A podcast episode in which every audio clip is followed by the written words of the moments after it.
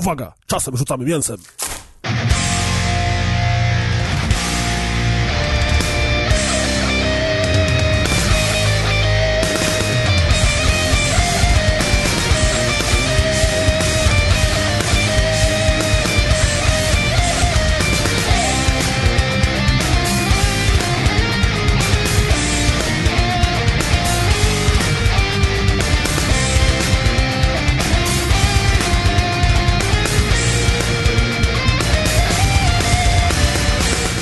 Czołem, tu Piotr Kuldanek, czyli Kuldan. Ze mną jest Grzegorz Wojewoda, czyli Press. Siema. I witamy was w kolejnych grubych rozmowach. Ty gruby, a ja? Eee, grubych rozmowach z gościem? Nie, to też bez sensu. Ach, No Deusz dobra. jest. No Czyli to co, rozgrywkę nagrywamy. rozgrywka 156, nawet chyba tak w To znaczy moglibyście wypada. nagrywać gru... Tak, no moglibyście nagrywać gruby, ja bym się nie odzywał, ale to, to możemy po odcinku zrobić ankietę. Czy woleliście, że, że to, to powstała rozgrywka, czy jednak mogłem się nie odzywać i byłyby fajne grube? Tak, dzisiaj jesteśmy, dzisiaj jesteśmy w wyjątkowym składzie, dlatego że e, niektórzy pracują, inni też pracują, a jeszcze inni zapominają mikrofonu. Mimo, że wiedzą od pół miesiąca, że mają na dziś nagrywać, ale nieważne. Zgadnijcie, kto zapomniał mikrofonu. Ankieta Ale nie na będę koniec. wskazywał palcami, tak? Kto, anki, ankieta, kto pracuje, kto zapomniał mikrofonu? bo gdzieś wyjechał z domu. E, dobrze. Mm, newsy. Słuchajcie, Valve kupiło Camposanto. Dla niekumatych Camposanto to jest ta firma, która zrobiła Firewatcha i nic innego. I to jest ta firma, która robi aktualnie e, Tom. Mm, In the Valley of Gods, bodajże ta gra się tak nazywa. E, Tak, czyli tak, dokładnie. kolorową, ładną grę o najprawdopodobniej dwóch lesbijkach. Wiedziałem, że to powiesz. Czy to jest istotne? E, dla Camposanto chyba tak. No tak, no właśnie wiem, że w ten sposób się dzisiaj reklamuje gry, ale No, to jest ale, ciekawe, nie? To jest bardzo ciekawe, że y, w, w zapowiedzi nowej gry od twórców Firewatcha najczęściej powtarzanym faktem jest to, że to jest gra o dwóch lesbijkach. Tylko dla mnie to nie jest fakt, dla mnie to jest rzecz wyssana z palca, bo to nigdzie oficjalnie nie zostało powiedziane. To po prostu były dwie bohaterki na ekranie, więc wiesz, to ja, ja sobie tak dopowiadam śmieszkując, a czy to jest prawda, to nie wiem. Aha, czyli to No ja wiesz, tak naprawdę dwie- zawsze dwie słyszę bohat- od ciebie dwie tylko. Te dwie bohaterki giereczkowo, no to kurde, nie może No. być inaczej. Nie może. I, do, I to wiesz, jeszcze taki tytuł, że w Dolinie coś się będzie działo, panowie. Dobra, nie rozkręca już się Kuldan. Następny news. Nie, ale no momencik, gra, gra została kupiona przez, y, znaczy całe studio zostało kupione przez Valve. I co wy o tym sądzicie?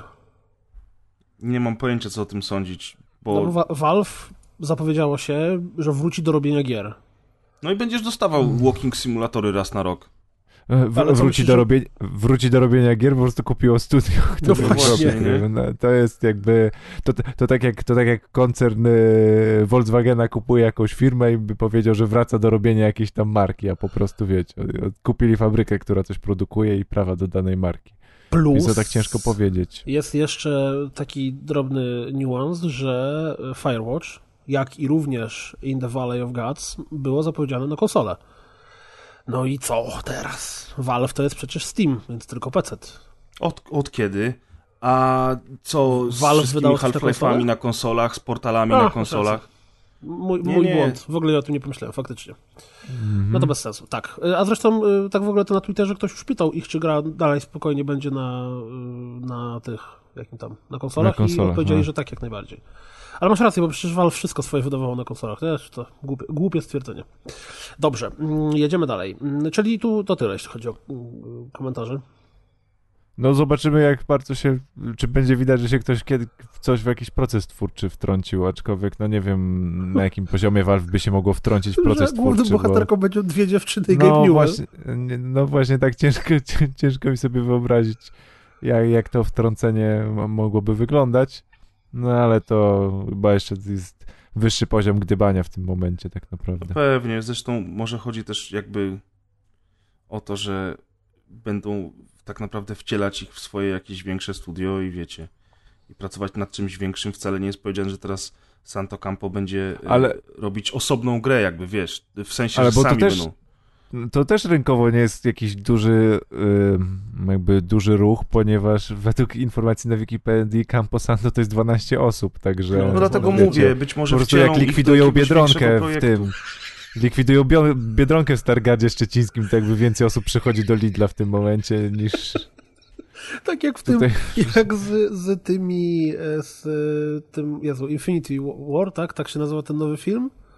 O Yy, superbohaterach? Czy tak. co tam Infinity? A, tak, tak, tak, Avengers. To, że tam jest tekstik, że to wiesz, jest najbardziej e, twórczy crossover, jaki kiedykolwiek nastąpił w świecie, nie? To, co ty, jak Lidl kupuje Biedronkę, to dopiero jest crossover.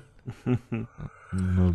No dobra, m, przechodząc dalej, Konami straciło licencję na Ligę Mistrzów do PESA. Znaczy, po O, to sami eksperci, skończyło. także ja oddaję Sami wam głos, eksperci. a potem tylko idealnie to spuentuję, także Znaczy, nie wiem, mnie, Kuldan zacznij. mnie zastanawia to tak, że e, PS to jest gra, która wydaje mi się, że ma oddane grono fanów.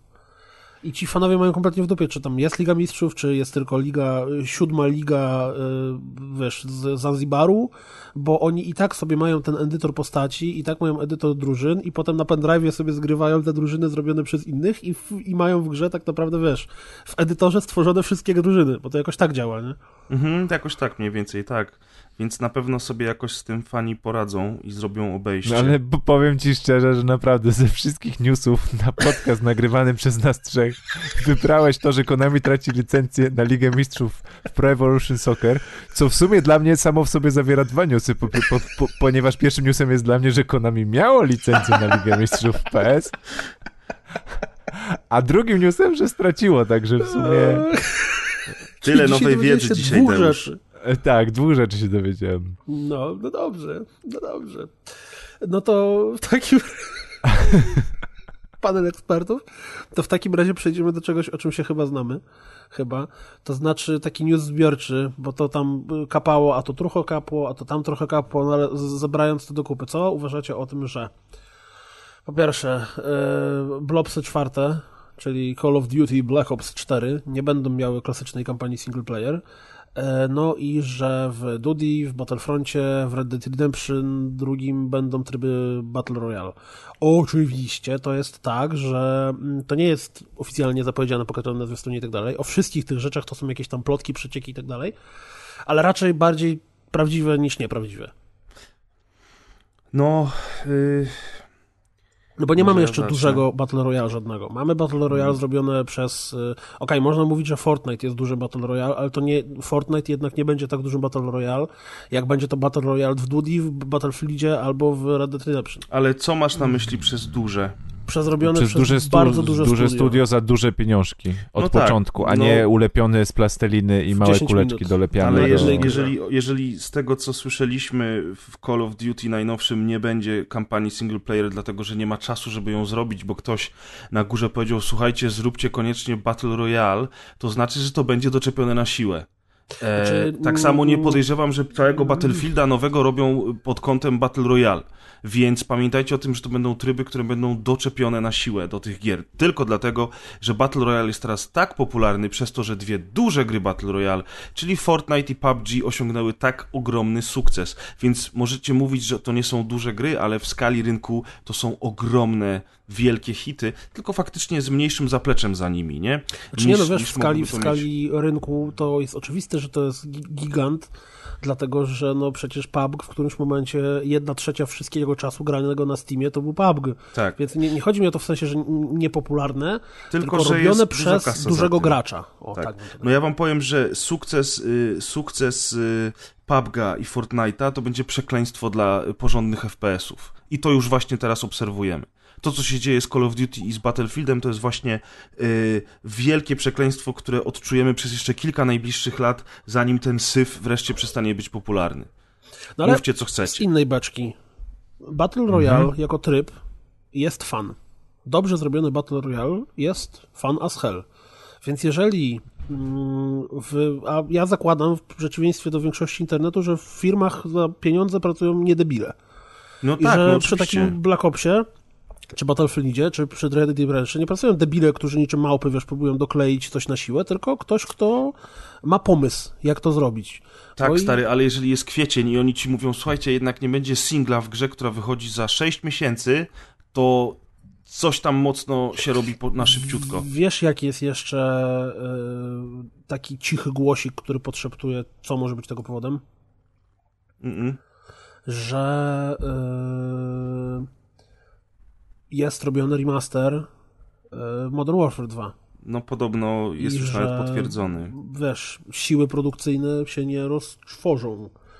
Że będzie remaster Modern Warfare 2, ale nie będzie singla w blobsie. No tak, ale oni mają Wiesz. tam tyle studiów pod sobą, że no zresztą fakt, możemy wróżyć z fusów, no natomiast ty mówisz, że y, w PUBG'a i, i czy tam, no w PUBG'a, bo w Fortnite'a nie grałeś, ty mówisz, że dobrze się gra i to jest fan, tylko że y, od trzech miesięcy ani razu jednego meczu nawet nie zagraliśmy, nie gramy w to. No potem się znudził trochę, ale jak się pojawi na fan- przykład, wiesz, w, w Dudi y, i dobrze będzie zrobiony, co prawda ja, No może. tak szczerze, nie jestem w stanie sobie wyobrazić Battle Royale w Dudi. Bez żadnego problemu jestem w stanie sobie wyobrazić Battle Royale w w Battlefieldzie, Battlefieldzie. ale w Dudi kompletnie No ja nie też umiem. nie, bo oni nawet nie mają takich map, ani silnika przyzwyczajonego Ale do to nawet, dużych... ale to nie muszą, ale wiecie, to, to przecież to może być wariacja na temat, dużo mniejsza mapa, mniej osób, zupełnie inaczej, tylko żeby ludzie mówili o tym, że w Dudi jest Battle Royale albo coś pokroju Battle Royale. No może to też może być. być na tej zasadzie, żeby tam się troszkę mówiło, że coś gdzieś się e, ociera jakiś tryb, jakaś gra o, o, o te Battle Royale, żeby po prostu e, taki PR też był robiony. No nie wiem, strzelam, ale wydaje mi się, że w modzie na to, że rozmawia się wszędzie o tych e, o tych Battle Royalach, to może to być po prostu na tej zasadzie, że gdzieś tam będzie dopchnięte e, coś ala Battle Royale. Może Wiecie, być, ja to, wam to powiem też tylko... nie jest pierwszy moment, kiedy moda e, tak się pojawia w, w grze, bo był moment, kiedy wszyscy robili moby, Tak. był moment, kiedy Straszny wszyscy robili. MMO i, i znaczy, wiecie, był moment, kiedy wszyscy robili moby i niektórzy nie zdążyli wydać, póki No się ten moment skończył. Ja także- strzelam, że w, w tym roku na E3 pewnie nie tylko w tych trzech, trzech tytułach, o których powiedzieliśmy, ale też w wielu innych okaże się, że albo po prostu rob, są robione jakieś moby, tak jak na przykład Darwin Project, o którym mówiliśmy jakiś czas temu, nie E, jakieś Battle go, Royale. A teraz, tak, tak, Battle Royale, myślę. Y, Darwin Project, o którym nie polecaliśmy go, a teraz okazało się, że Darwin Project na Steamie staje się Już jest darmowy. To ja No. mogę wam wtrącić tylko szybko, bo to nie warto jest d- w, jakby mówić o tym w dziale gier, ale odpaliłem e, Nową ten mobę Radical Heights Ja też Tak jest. odpaliłem. i to jest w ogóle skandal, że to w ogóle można ściągnąć takie rzeczy na dysk, takie, które jakby mają taki kod sieciowy i są w takim stanie po prostu skandalicznym. No dlatego ja powiedziałem, Bez- że będziemy odczuwali skutki popularności W ogóle PUBG'a i wiesz, przez lata. To- To są skutki popularności PUBG'a plus skutki popularności y, możliwości wypuszczania gier w wersji y, before alpha tak, preview version This shit is 0.001, not ready. bo, bo ta gra jest w, wersji 0.001. No niestety jest. I do tego, do tego, mimo tego, że nie grałem w Battle Royale w Fortnite, bo graliśmy z Kuldanem tylko w tę wersję taką kooperacyjną, kiedy, kiedy ona wyszła w Early Access, to jestem, naprawdę idę o zakład, że ten styl graficzny, który jest w Radical Heights e, jest y, specjalnie taki dlatego, żeby właśnie nawiązywał do Fortnite'a i tam dużo rozwiązań jest podobnych do tego z Fortnite'a, a do tego wszystkiego mm, jest to poza tym systemem, bo ty już grałeś, to wiesz, tego jak znika plansza, nie? Że teraz sektory znikają, Tak, a nie, tak, nie, tak. nie że jakieś okręgi czy coś. I to jest całkiem ciekawe, to, to kombinowanie teraz, jak się przedrzeć przez mapę, żeby zdążyć na przykład coś jeszcze zrobić, zanim zatnie się, za, za, zamknie się sektor, jest całkiem y, fajnie zrobione. I to jest jedyna zaleta tej gry. Y, Plus jeżdżenie we dwóch na rowerze w lobby przed za, do, załadowaniem mapy. To też jest śmieszne i w sumie całkiem, całkiem ciekawe, no powiedzmy. Ale Tak, tak, cała tak. reszta to jest w ogóle, wiesz, ja dotrwałem, zagrałem kilka meczy, dotrwałem do, do, do momentu, kiedy zostało pięciu graczy, niestety tam zginąłem jako piąty, e, nie udało mi się odnieść sukcesu i nawet przez chwilę, może przez chwilę były emocje pod sam koniec, natomiast cały czas grając myślałem sobie o tym, że e, tak naprawdę po co ta gra została stworzona, skoro jest PUBG, który dla osób takich jak ja wolą bardziej realistyczne podejście, no bo PUBG jest bardziej taki realistyczny, ale dla całej reszty osób, które będą wolały arcade jest Fortnite i to Radical Heights nie ma racji bytu i teraz jak patrzę e, sobie na Gearsy, bo znowu przechodzę Gearsy od nowa No od pierwszej ono- on- części. No to, rad, Widzę, co to zrobił Radical Cliffy Heights B. wygląda trochę jakby z, z generatora wyszło. W sensie Tak, pisałbyś Battle. Royale Widzę, co i, zrobił i Cliffy B przez te wszystkie lata i teraz on zrobił to, y, te, tego Lowbreakers, który niestety mu nie wyszedł, y, a teraz robi coś takiego, to jest mi autentycznie gościa szkoda, bo ja jestem przekonany, że oni zamkną za pół roku maksymalnie to Radical Heights, bo to, ta gra się nie utrzyma, ona No, to nie ma racji bytu. Nie, nie, nie ma szans. To jest w ogóle to nigdy nie wejdzie w wersję 0,5, także No.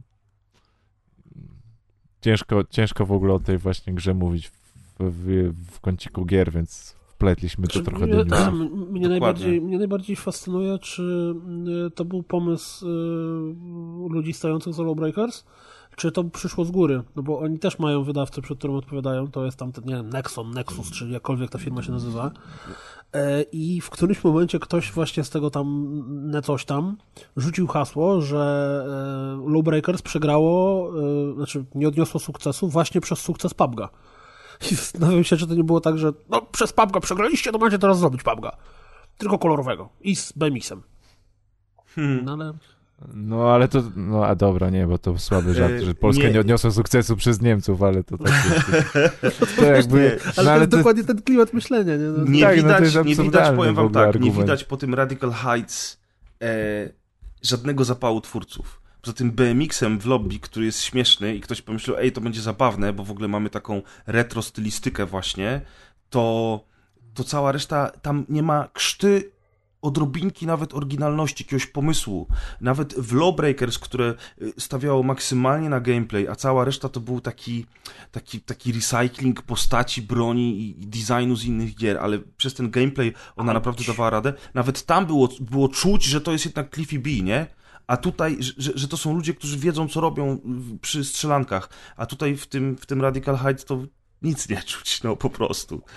Co nie, no dobra, ale, ale to Mm, wracając, tak, wracając tak, do, do du- się. dużych, jest jakiś Battle Royale, w który chcielibyście zagrać? Znaczy, czy, czy, czy dla was właśnie pomysł na Battle Royale w Duty, albo w Battlefield, albo może w Red Dead Redemption 2 brzmi interesująco? Nie, ja bym chciał, żeby ten gatunek powoli przestał istnieć, ale oczywiście to są tylko moje marzenia, więc y, myślę, że spośród tych trzech gier, które ty wymieniłeś, drogi Piotrze, najlepsze szanse na zrobienie czegoś ciekawego ma Battlefield. A czemu Ja ja mam tak- 2? ja mam taki No, Deusz. pomysł na... Nie, a propos się nie rób z tego że ja grubych mam, rozmów. Ja, Dał coś ja, Deuszowi ja, ja, ja, mam, ja mam taki pomysł na Battle Royale, słuchajcie, otwarta mapa samochodowa jak w Forcie i pojawiają się na mapie punkty i na przykład wiecie, do pierwszego punktu ostatnie 10 osób, które dojeżdża odpada. Jak w, na metę wjeżdża ostatni samochód, to się pojawia n- y, na mapie kolejny punkt. I tak jeździcie przez, nie wiem, 10-20 punktów po całym świecie, aż w końcu odpada ostatnie auto. I to jest w ogóle pomysł, że jeszcze nie ma śmiejesz. Battle Royale Zaraz się okaże, że samochodowych. w The Crew 2 będzie Battle Royale samochodowy. Albo w Forza Horizon 4, które mają No, zapowiedzieć, właśnie. nie? No ja, ja tak trochę z, z rzeczy, o których pewnie nikt nie słyszał oprócz mnie, to czekam, znaczy nie to, że czekam, żeby w to zagrać, tylko jestem ciekawy, jak to będzie wyglądało, że tak powiem, w grze. To jest Battle Royale, który się nazywa z pamięci bodajże Valhall. I to ma być yy, średniowieczne Battle Royale, czyli napieprzanie się na łuki, siekierki, toporki i też oczywiście skracające się yy, pole i tak dalej. Więc ciekawe, bo wiecie, Ale to Battle taki Royale bez sk- walki... sk- sk- Sky, Skyrim look Battle Royale Tak, trochę tak, tak, taki. tak, tak, tak, dokładnie tak. Jestem ciekaw, czemu For Honor jeszcze nie wprowadziło czegoś takiego w sumie. Może im mapy nie pasują. Maybe. No, Battle Royale też by się dobrze sprawdził w Wildlandsach, nie? No, Tam jest tak duża to mapa. by było super, to by było rewelacyjne, tylko niestety też technicznie nie da rady. No. No nic, nie, nie poświęcajmy tyle czasu temu gatunkowi może. Poświęćmy mniej czasu niż on ma ten wariant. Dobra, masz rację, oczywiście, no to jedziemy. yy, Nintendo Labo, jak tam, premiera właśnie, na dniach trwa. W świecie, chyba tylko w Stanach było 20 kwietnia, w całym reszcie jest chyba 27, czyli w momencie, w którym tego słuchacie bodajże. No i kupujecie, tak? Zainteresowani? Podoba wam się historia o tym, jak to facet napisał, że jego żona, yy, jak on odłożył te kartony, to myślała, że to śmieci i wywaliła? Tak, to jest, O, to jest to- całkiem to- śmieszna historia. Na pewno No jej tak, nie ty- pobił ty- potem. Tak, tylko że te historie to się już jeszcze pojawiały przed tym, jak w ogóle premiera była, to ja już ja byłem pewny, że już ktoś ma przygotowane kopiuj wklej, kopiuj V takie Mhm. historie do przeklejenia do socjali, ale ja trochę śledziłem te, te rzeczy, które się pojawiają, bo pojawiały się filmy, jak, jak, jak wygląda cały tego interfejs tego składania, ile zajmuje złożenie tych poszczególnych elementów i tak dalej, jakie są minigry i szczerze powiem, że wydaje mi się, że to ma kapitalny potencjał. W ogóle jest ta gra, która, w której robi się instrumenty e, i która korzysta z tego Nintendowego, to się nazywa chyba Toy-Con Garage mhm. i to jest w ogóle cały system jakby programowania oparty o węzły, taki mhm. trochę jak takie proste rzeczy do programowania. Już teraz wysypują się filmiki, gdzie ludzie programują całe instrumenty, bo tam po prostu można programować konkretne instrumenty, gamy i tak dalej, i tak dalej, więc można sobie pod joycona i pod dotykowy ekran zaprogramować po prostu e, e, kilka instrumentów do grania, ale z uwagi na to, że tam są normalne operatory logiczne i oraz i tak dalej e, w tym języku programowania, to już się pojawiają rzeczy, gdzie ludzie pokazują, że zrobili na przykład zegarek, e, który normalnie odlicza czas za, za pomocą tych elementów, więc po prostu e, jak Nintendo pociągnie trochę ten temat E, łącznie z jakimiś czujnikami, z rzeczami, żeby to jeszcze całe zaimplementować to z tymi wszystkimi kartonami, to wydaje mi się, że to naprawdę może, może być coś fajnego. Zresztą słuchałem też kilku podcastów e, zagranicznych, technologicznych i raczej super pozytywne e, opinie są. Czy mi się wydaje, że w Polsce jeśli, absolutnie jeśli, nie ma szans jeśli chodzi o się przyjąć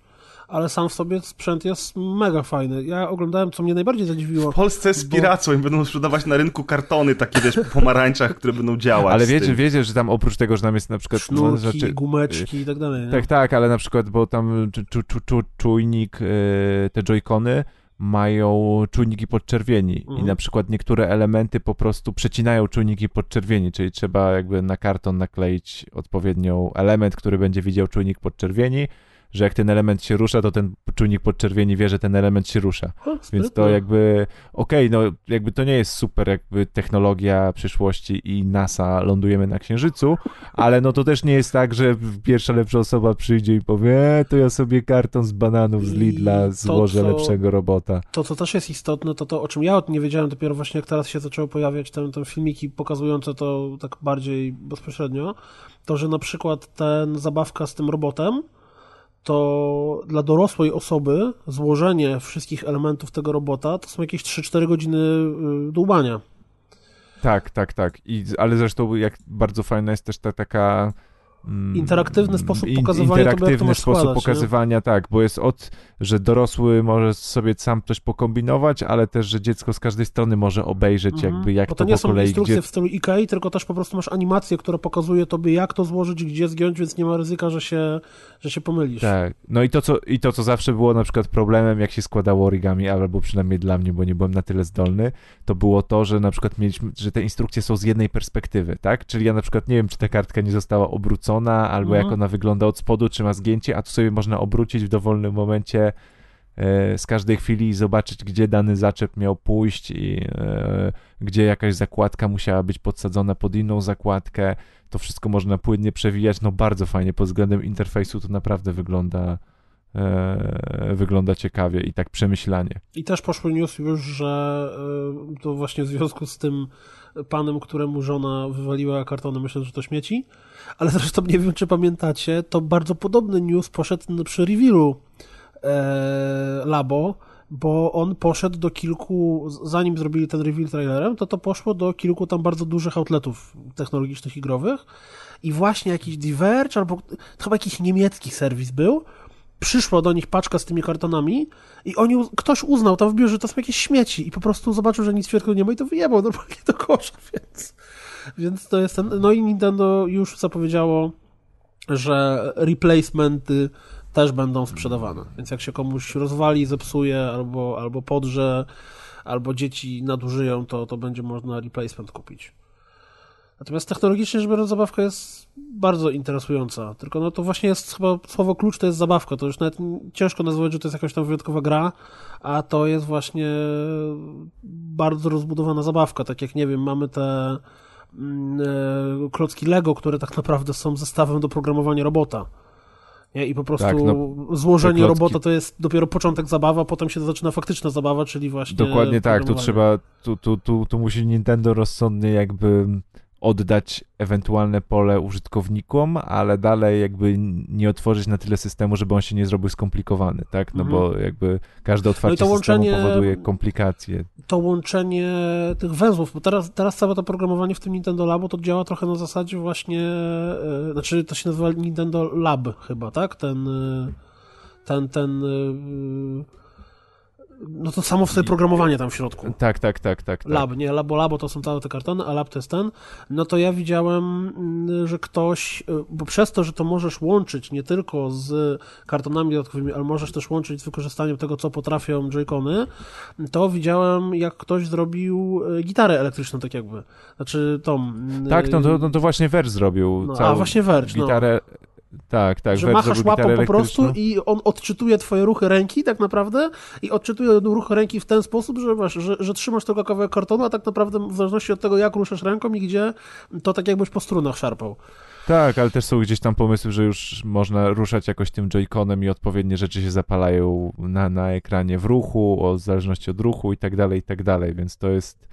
A to jest tak naprawdę narzędzie tylko jakby do tej jednej gry, e, gry takiej na instrumentach stworzone, Mhm. więc jeśli tu jakby rozsądnie Nintendo by tutaj podziałało na tym polu otworzenia tej kreatywności i pozwolenia ludziom zrobienia kilku rzeczy, to naprawdę to może w ciekawym kierunku popłynąć. Zwłaszcza, że Szczególnie, ludzie... że wdrażanie, przez to, że to są kartony, wbrew pozorom, to jakby wdrażanie nowego produktu wiąże się z niskimi kosztami jakby przygotowania tego, tak? Można jakby dużo różnych idei próbować i jakby koszt wyprodukowania albo poświęcenia jakichś tam funduszy na, e, na zaprojektowanie albo puszczenie jakichś tam partii e, tych nowych kartonów, nowych produktów nie jest, nie jest takie wymagające i takie obciążające dla, dla firmy, więc to też jest według mnie zaleta.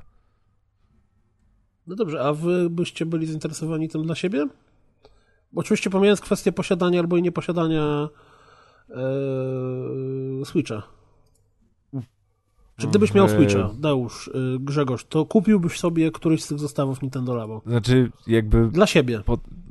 dla siebie nie, ale jakby ja z uwagi na tutaj profesję swoją, mm, jakby gdzieś i, i, i, i, pro, i programowanie, i jakieś takie, że tak powiem, mechanizmy i te rzeczy, jakby stoję troszkę wyżej, no bo jakby z uwagi na, e, na pracę na uczelni, ale wydaje mi się, że jeśli ktoś ma takie zacięcie e, majsterkowicza albo chciał spróbować kiedyś programować, albo już w ogóle ma dziecko, to już jest w ogóle według mnie rewelacyjna sprawa.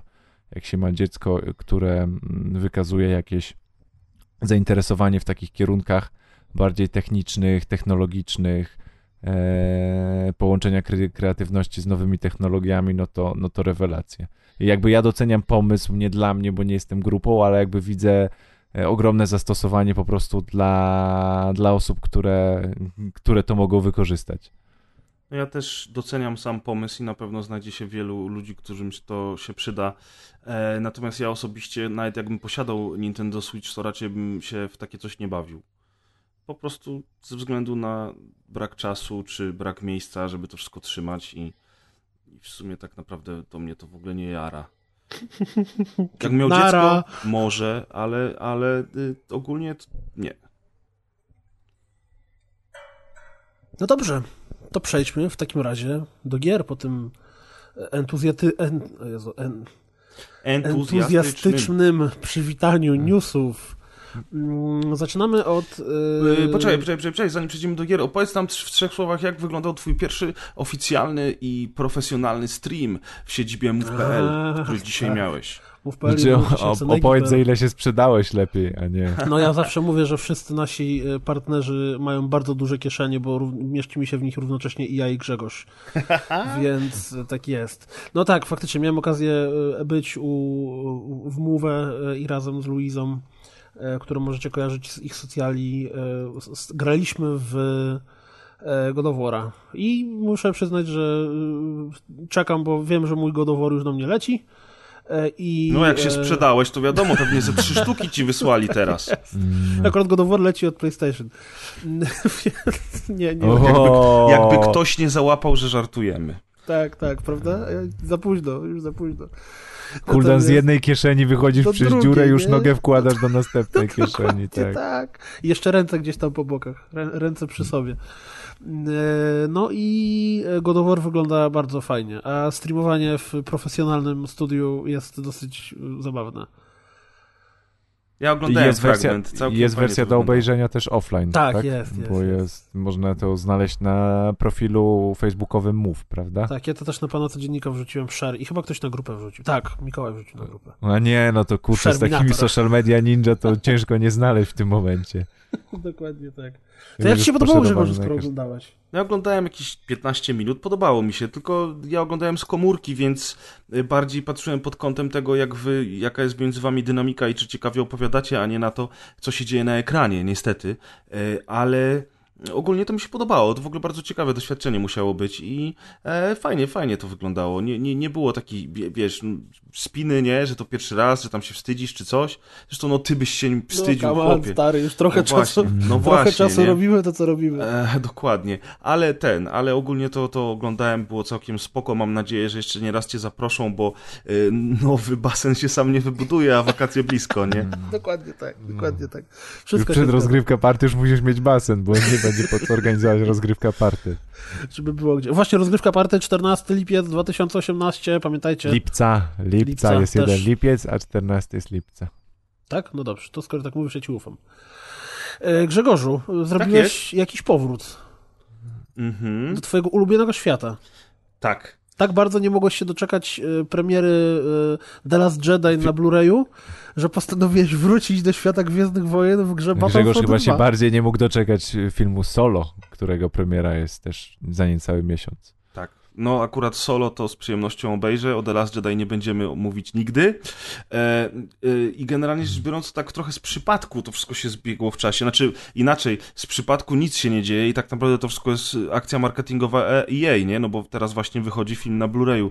E, ale rzeczywiście wróciłem do Star Wars Battlefront 2, dlatego że w marcu wprowadzono nowy system progresji graczy, e, czyli ten największy problem gry został rozwiązany ostatecznie po wysłuchaniu społeczności i po uwzględnieniu wielu zmian i sugestii, które społeczność e, sama zaproponowała, więc to jest jedna rzecz, o której wam opowiem. Druga rzecz to jest nowy tryb, który jest trybem czasowym, czyli mamy tu jakiś nową w giereczkowie. Najważniejsze pytanie, czy można przypierdzielić Iłokowi? Można, można, y, oczywiście. No i właśnie Noc na Endorze to jest, to jest tryb, w którym walczy się z Iłokami. Natomiast przy okazji, ponieważ już wróciłem do gry, bo chciałem zobaczyć te zmiany, udało mi się wreszcie przejść y, to fabularne DLC o nazwie Odrodzenie, które kontynuuje wątki z kampanii e, głównej w podstawowej wersji gry. Oczywiście wszystko to, o czym mówię, jest za darmo, bo wszystkie dodatki do Battlefronta 2 są darmowe, także jeżeli tylko posiadacie grę, to macie do nich dostęp.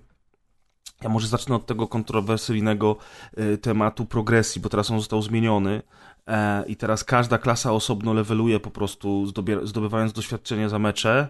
E, i wraz z każdym kolejnym levelem dostajemy punkt, za który to punkt odblokowywujemy kolejne karty.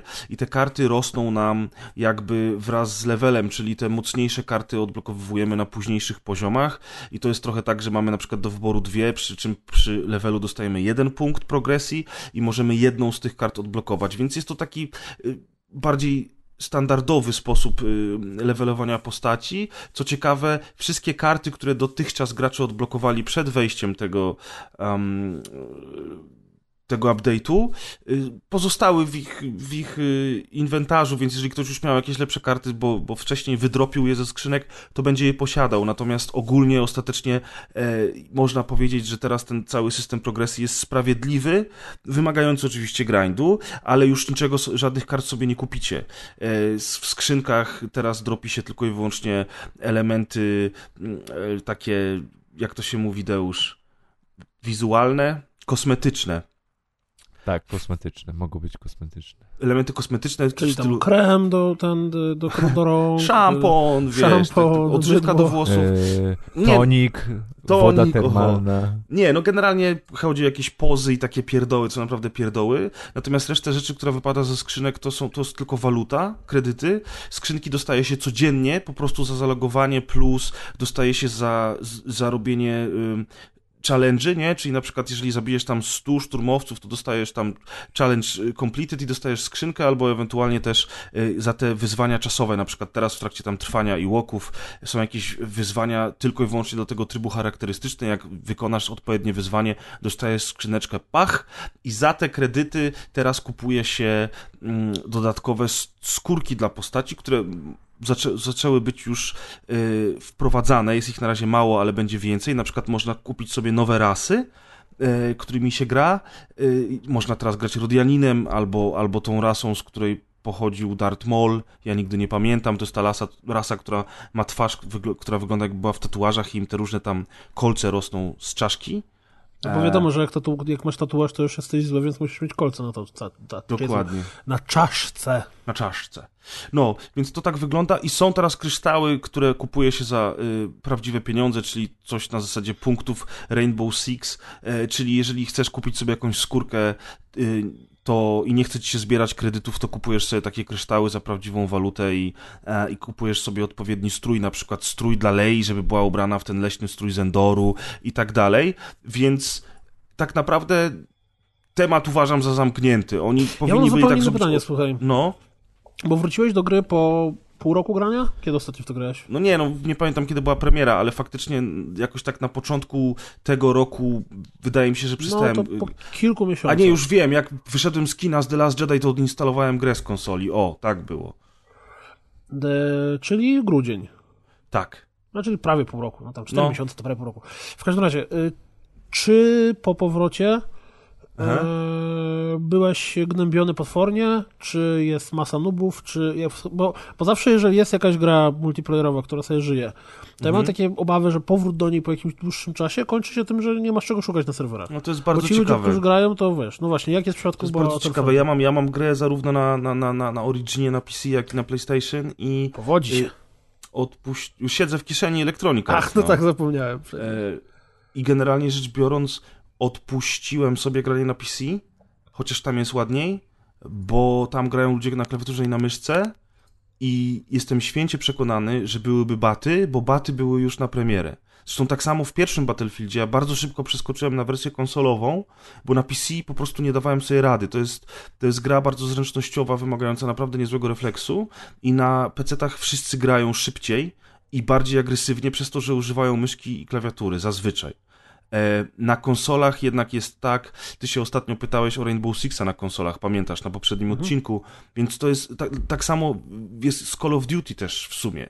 Chociaż Call of Duty jest głównie robione pod pada i, i docelową platformą do grania dla mnie stała się konsola, tak samo tutaj Battlefront jednak jest grą konsolową a jednocześnie ten, y, to granie na padzie powoduje, że gracze nie są aż tak wymagający, chociaż... Ale poza, ale poza szybkością nie jest też tak y, jakby porównanie pada i klawiatury i myszki, że po prostu y, ludzie, którzy grają na, na, na PC-tach spędzają więcej czasu z danymi grami. Jest duża, tak, znaczy, że, tak, oczywiście. Że, że nie grają jakby z doskoku, tylko nie? tak, tak, tak, dużo więcej doświadczenia po prostu załapują z danym tytułem, z, znaczy... z takim feelingiem, feelingiem konkretnej mechaniki. Czy ja mam problem z tym Battlefrontem drugim, bo jak ja zagrałem w betę, to zagrałem na PC i na, i na obu konsolach i straciłem tylko i wyłącznie PC bo grało mi się fantastycznie na klawiaturze i myszce. Po dwóch, trzech tygodniach od premiery nie byłem w stanie grać już na PC, bo dostawałem takie baty, więc przeniosłem się na, na konsolę, gdzie szło mi ok. Nigdy nie byłem jakiś super, mhm. a teraz po powrocie, a teraz po powrocie tak naprawdę na początku się bardzo zniechęciłem i uznałem, że absolutnie y, nie mam szans na granie, ale tajemnica tkwiła w zupełnie czymś innym, bo im więcej pograłem, to się okazało, że jednak jest spoko i da się do tego wrócić. E, problem polegał na tym, że wróciłem do tych mniejszych trybów, gdzie jest 20 na 20, gdzie są mniejsze lokacje i tam po prostu y, trzeba jednak mieć dużo lepszego skilla. Natomiast jak odpaliłem ten tryb największy, mm, czyli ten taki na bazie Conquer z Battlefielda, gdzie gra 40 graczy, dobrze ja mówię wszystko? 20 na 20 jest tym naj, na tym największym trybie, przepraszam. W tych mniejszych ja, trybach jest... więcej już nie pamiętam. Tak, tak, tak. 20 na 20 jest w największym trybie, a w tych innych trybach jest do 20 graczy, więc o to mi chodziło. W każdym razie na, w tym największym trybie, gdzie są cele, pojazdy, gdzie się dużo dzieje, jak człowiek ogarnia, to, to można sobie pograć, naprawdę się fantastycznie pobawić. Ja nawet dzisiaj wbiłem do meczu na ostatnią chwilę, e, gdzie wpadłem kolesiem z tym z, z, ciężkim karabinem, bo teraz sobie właśnie nim gram i nabiłem już dziesiąty level dla niego. Mm, i grałem tak, że pra praktycznie chyba raz zginąłem do końca meczu, zdobyłem w ciągu dwóch czy trzech żyć 6000 punktów, czyli tyle, co potrzeba, żeby odblokować bohatera. I zrobiłem to w jakieś 5 do 10 minut i odblokowałem Luka Skywalkera. I w tym momencie, jak zrespanowałem się Lukiem, to mecz się skończył. I nawet raz nie machnąłem mieczykiem, ale to było y, po tym, jak ja dołączyłem do trwającego już meczu. Czyli mam wrażenie też, że łatwiej jest te punkty zdobyć, albo mi wyjątkowo dobrze poszło ale ogólnie rzecz biorąc nie, nie miałem takiego jakiegoś e, strasznego łupania tyłka, jak wróciłem do gry i myślę, że jeżeli macie tę grę nadal na konsoli, to warto spróbować. Bo po prostu te zmiany są dużo lepsze, jeżeli chodzi o multi. To naprawdę ma sens yy, i fajnie się w to gra. No zawsze się dobrze grało w tego Battlefielda. No ale to jest kwestia multiplayera. Mam nadzieję, że to teraz to wam sprawę trochę wyjaśniło. Yy, druga sprawa to jest to polowanie na Iwoki i z tego ludzie mieli bekę. E, bo, bo Ciekawe bo, czemu. Powiedzieli, jak to, kurczę, to jest taki tryb jak z Predatorem, tak? Tylko mamy się bać i łoków. Wiesz co? Ale to jest, to jest typowa mechanika z, z pierwszego Alien vs Predator, gdzie był alien, jeden alien i kilku marinesów. I każdy pokonany marine zamieniał się w aliena. Tak samo było zresztą w Crysis 3, gdzie był hunter albo dwóch hunterów i jeżeli oni pokonali żołnierza, to ten żołnierz też zamieniał się w huntera i tak aż do wyeliminowania wszystkich, e, wszystkich żołnierzy. I tutaj jest podobnie. Jeden albo dwóch graczy jest Iłokami, reszta jest Stormtrooperami. Tylko, że ci Stormtrooperzy nie mają żadnych specjalnych broni, żadnych granatów, mają tylko zwykłe karabiny i latarkę. I latarka do tego ma cooldown, więc ona trochę świeci, a potem się wyłącza i trzeba poczekać, zanim się znowu dają uruchomić. E, I to jest Endor w nocy, dlatego się nazywa ten dodatek tam Noc na Endorze, o ile dobrze pamiętam. Czy aż sprawdzę, żeby potem nie było. E... Tak, Noc na Endorze. No i no i ma to swój klimat. Oczywiście, haha, Ewoki, haha, ale w grze to nie jest takie y, śmieszne, bo jeżeli są dobrzy gracze i oni ogarniają, to oni potrafią załatwić tych Stormtrooperów odpowiednio. No, y, jak, jak śmiesznie by nie wyglądała ta postać, no to mechanika jest taka typowa właśnie E, jak śmiesznie by nie wyglądał, to przypieprzyć potrafi. Tak jest. I oni mają na przykład, rzucają takie petardy, że jak ci rzucą blisko pod twarz, to, to cię oślepia na chwilę i to wystarczy, żeby potem na przykład cię, dobił cię dzidą albo, albo tam naskoczył. Yy, a z kolei szturmowcy po prostu walą z tych, wiesz, z tych, z tych karabinów i ile wlezie, no i mają te latarki, więc jeżeli szturmowcy w odpowiedniej grupie się zbiją, to, to są w stanie sobie poradzić. Ja na przykład miałem wczoraj taką akcję, że schowaliśmy się w jaskini. Jest mega klimat w tej jaskini w ogóle. Ci, te ełoki gdzieś tam próbują się dostać, więc musisz cały czas rozglądać się dookoła siebie. Jak dostajesz jakiś komunikat, że właśnie jednego z twoich towarzyszy, to jest ładnie napisane, pochłonęła noc albo pochłonął las, jakoś tak, więc więc no jest klimacik. Ja wiem, że to jub nup, jub nup, kurcze i łoki, ale jednak fajny jest ten tryb i ciekawy, jest jakiś, jakimś urozmaiceniem. I tam pod koniec, po tym jak odpo- upłynie odpowiednia ilość czasu, to ci pozostali przy życiu stormtrooperzy muszą się dostać do miejsca, gdzie przyleci po nich mm, transporter, nie? I też muszą jeszcze przeżyć chwilę, zanim ten transporter przeleci, więc nawet jak masz jakąś fajną miejscówkę, gdzie się bronisz, to potem musisz ją opuścić i przebiec przez ten ciemny las i nie dać się dorwać. Także warto spróbować ten tryb. No znowu, warto, tym bardziej, że jest za darmo. Ja tylko się zastanawiam, o co chodzi z tymi teraz, z tą modą na aktualizacje, które są czasowe. I Ubisoft zaczął to robić, teraz Electronic Arts to wprowadza. Ja rozumiem, że to ma zachęcić graczy do powrotu do gry. E, tak jak ten tryb e, był, jakąś nazwał, Outbreak, Outbreak, nie? W Rainbow Sixie. Tylko tam hmm. mieliśmy odpowiedź, że Outbreak został wycofany po miesiącu dla, ze względu na ilość zajmowanego miejsca na dysku w przypadku konsol. E, z PC-ów też został wy, wyrzucony, bo, bo wszystkie trzy wersje Rainbow Sixa na każdej platformie muszą być takie same. Taka jest polityka firmy. Natomiast czemu ten dodatek z, z Ewokami, który dzieje się na mapie, która jest już w multiplayerze, który wykorzystuje wszystko, co tak naprawdę już jest w tym multiplayerze, czemu on też jest czasowy, nie wiem, trochę szkoda. E, ale warto w niego zagrać ja tylko się zdziwiłem troszeczkę i mam nadzieję, że ktoś mi to wyjaśni, e, może z naszych słuchaczy, jeżeli pogra, bo dodatek zaczął się 18 kwietnia, czyli jak my to nagrywamy 5 dni temu i wczoraj jeszcze w niego grałem, był na głównej tablicy w menu głównym, odpaliłem go i sobie grałem, a dzisiaj pograłem 2-3 meczyki w multi i chciałem odpalić Noc na Endorze, ale nie mogę, bo tego nie ma na liście gier multiplayer, tego nie ma w arcade, a na tej stronie głównej, gdzie są aktualności i newsy, gra sugerowała mi, żebym zagrał tam w tryb potyczki e, i pokazywała mi, jakie są nowe achievementy do zrobienia, natomiast nigdzie nie mogłem tego uruchomić. Nie udało mi się ostatecznie uruchomić Nocy na Endorze dzisiaj. Nie wiem, dlaczego to jest tak zrobione. Czy to jest tak... grałeś. Co? Bo w ciągu dnia grałeś, a noc jest tylko wieczorem. No jeżeli to się dzieje tylko w nocy, ten tryb, to by, to by było naprawdę śmieszne, nie? Natomiast ja tego nigdzie nie, wytycz, nie jeszcze wyczytałem. lokalnego czasu, nie? A jeżeli to jest tylko i wyłącznie w, aktualizac w aktualizacjach, czyli na tej stronie głównej, y, gdzie, gdzie się logujesz na początku, no to fajnie by było, gdyby to było zawsze do wyboru, a nie, że to się zmienia z innymi trybami i no nie wiem, nie udało mi się tego odpalić drugi raz. No ale to tam już inna kwestia. Ogólnie polecam, warto to zobaczyć. Yy, Ostatnią rzeczą z Battlefronta to jest już dosyć stara rzecz, bo ten dodatek wyszedł przecież jeszcze w grudniu, więc na pewno nasi słuchacze już go dawno ograli, natomiast ja nie miałem okazji. Chodzi o odrodzenie, które kontynuuje wątki z kampanii i to jest zabawa na dwie godziny, niestety, no ale z drugiej strony darmowanemu, darmowanemu koniowi, jak to się mówi? Darowanemu. Darowanemu Mm, darowanemu koniowi, więc nie narzekam, bo ogólnie bardzo przyjemna jest to taka mini kampania, gdzie są dwie bardzo udane misje w kosmosie ze stateczkami, piu piu. Wiem, Kuldan, że docenisz. E, świetnie się w to gra. Pierwsza misja otwierająca w ogóle jest przepiękna i bardzo intensywna.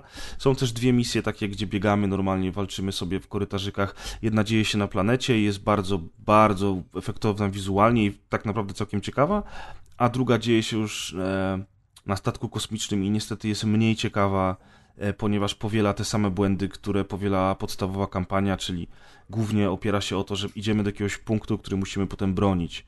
E, I niespecjalnie gameplayowo jest się tu czym chwalić, natomiast samo piu piu piu jest, jest bardzo przyjemne, no bo zawsze było w Battlefrontach, więc taka dwugodzinna kampania y, to jest w sam raz, żeby się nią nie zmęczyć, ale żeby się nią bawić odpowiednio. Ja miałem parę razy znowu to, co miałem w trakcie y, oryginalnej Rage kampanii. jak zobaczyłem Star Warsy. Co, co, jeszcze raz? Że miałem parę razy Rage Quita, jak zobaczyłem, że to są nowe Nie, nie, właśnie miałem parę razy uśmiech na gębie totalny, bo było kilka takich scen, które po prostu po- powodowały, że ja znowu byłem małym dzieckiem. Jak na przykład walczę z gościem, którego muszę pokonać i on puszcza za mną miny w kosmosie. I te miny y, puszczał Django Fett w, w, w trylogii prequeli. One też chyba były w oryginalnej trylogii, natomiast to jest taki charakterystyczny odgłos, jaki ta mina e, wydaje przy eksplozji. I jest taki niebieski okrąg się robi eksplozji. I- to jest, to jest po prostu fani Star Wars, od razu by wiedzieli o co chodzi, wiecie, totalny, totalny kurczę kisiel w majtach, super. I, I w trakcie walki z tym kolesiem, jak on puszcza te miny, to ja jestem w stanie je ładunkami EMP wyłączyć i one nie, nie, wtedy nie eksplodują. E, I za którymś razem, jak mu wyłączyłem tą minę, to on się wkurzył, mówi, to nie! Tak bardzo czekałem, żeby usłyszeć ten odgłos. I takich znowu jest dużo smaczków i oczek puszczonych w stronę fanów. I, i też jest fajne to, że tak jak podstawowa kampania zamykała historię oryginalnej trylogii i ostatnią taką misją, w zasadzie epilogiem, otwierała się na nową trylogię, na to, co się działo w The Force Awakens, to ten dodatek, dziejący się 30 lat później, dzieje się równocześnie z końcówką The Force Awakens, jest takim swoistym wprowadzeniem do The Last Jedi. Na szczęście tylko przez ostatnią minutę tej gry, więc dało się to przeżyć. E, I i jest po prostu przyjemnym, przyjemnym takim hołdem dla serii i uważam, znowuż powtarzam, że jak macie grę, to warto się nią zainteresować, bo, bo warto sobie w to zagrać. I to wszystko. No proszę, elegancko. Wyobraźmy sobie, na chwilę zamknijmy oczy i wyobraźmy sobie, że żyjemy w takim świecie, w którym Są bardzo ciekawe czasy. pomijając to, że są bardzo ciekawe czasy, to właśnie, to był dodatek do Star Wars Battlefront 2, a to był Grzegorz Wojewoda, Prez, Perez, a teraz y, będę mówił ja, ale zaraz wam powiem o czym. A więc wyobraźcie sobie, że żyjecie w takim świecie, w którym nigdy w życiu nikt nigdy nie pomyślał, ani nie zrobił, ani nie zagrał, ani nie zobaczył gry Banner Saga. I zatrzymajmy się na razie z tą myślą. Nie było nigdy Banner Sagi. Ja teraz wam opowiem o Ash of Gods Redemption. Jest to tytuł studia, nie pamiętam jak oni się nazywali, jakiegoś y, z, chyba z Rosji, albo tutaj jest właśnie rosyjskiego, naszych, tak, tak, tak, rosyjskiego, tak. rosyjskiego studia. Mówiliśmy o nim kiedyś, jak było, tam miałem dostęp do, do, do preview, ale teraz w końcu zagrałem i przeszedłem y, pełną wersję tej gry. Zajęło mi to jakieś 17 godzin mniej więcej, czy może nawet pod 20. Bawiłem się bardzo dobrze. Gra jest y, miksem e, taktycznych pojedynków E, gdzie patrzymy sobie na, na mapkę, znaczy na, na, na planszę złożoną z heksów, nie z heksów, z kwadratów, heksy to są ten, z kwadratów, po których poruszamy naszymi postaciami. Mm, wszystkie postacie mają dwa współczynniki. Jest współczynnik zdrowia, jest współczynnik czegoś, co tu się nazywa energią, no i energii używamy czasem do używania niektórych skilli, albo na przykład do tego, jeżeli chcemy pójść dalej niż zasięg naszego normalnego chodzenia. No ale też energia działa tak, że jeżeli cała energia nam zejdzie, i kiedy, właśnie, bo kiedy atakujemy przeciwnika jakiegoś, to wtedy wybieramy sobie, czy atakujemy jemu w energię, czy atakujemy mu w zdrowie. No i kiedy cała nasza energia spadnie do zera i ktoś wybierze, że atakuje nam w energię, to wtedy zadaje tak naprawdę podwójny damage do, do zdrowia. Czyli jeżeli widzimy sobie jakiegoś gościa, który ma, nie wiem, 120 punktów zdrowia, ale 20 punktów energii, to opłaca mu się zbić tą energię do zera i potem jak będziemy walić mu w tą energię, to tak naprawdę będziemy zadawali mu podwójny damage. No i postacie mają różne klasy, różne, w zależności od tych klas mają różne umiejętności, są łuczniczy, wojownicy, jacyś tacy magowie, tam druidzi, nie druidzi, no najróżniejsze klasy, najróżniejsze rodzaje postaci, najróżniejsze umiejętności. Też bywa tak, że w zależności od sytuacji wybieramy sobie, kto chce z nami iść na, na, na, na bicie się, więc y, możemy dopasować sobie styl postaci do naszego stylu rozgrywki. Mamy oczywiście rozwój tych postaci, bo tam te skille im rosną, nie rosną. Wszystko wszystko dzieje się w świecie, w którym nadeszło e, reaping, czyli żniwa, tak? Chyba tak to powinno mm -hmm. się.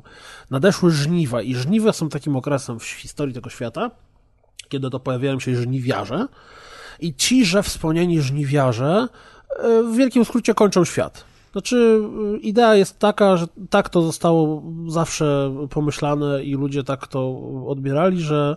I oczywiście nikt nie wierzył, że żniwa są rzeczą faktyczną i że żniwa w ogóle istnieją, ale teoretycznie rzecz biorąc, kiedy zaczynają się żniwa, to wtedy żniwiarze przychodzą i po pierwsze, y, ludzie, bardzo dużo ludzi wariuje i zaczyna zabijać siebie nawzajem, bardzo dużo ludzi po prostu umiera ze względu na jakieś choroby, nie choroby. I też wszyscy ludzie, którzy żyją na świecie, mają na karku znamie. I to znamie ich pali, piecze, i im dłużej to znamie się im na tym karku trzyma, to tych bardziej, tym bardziej ich zabija.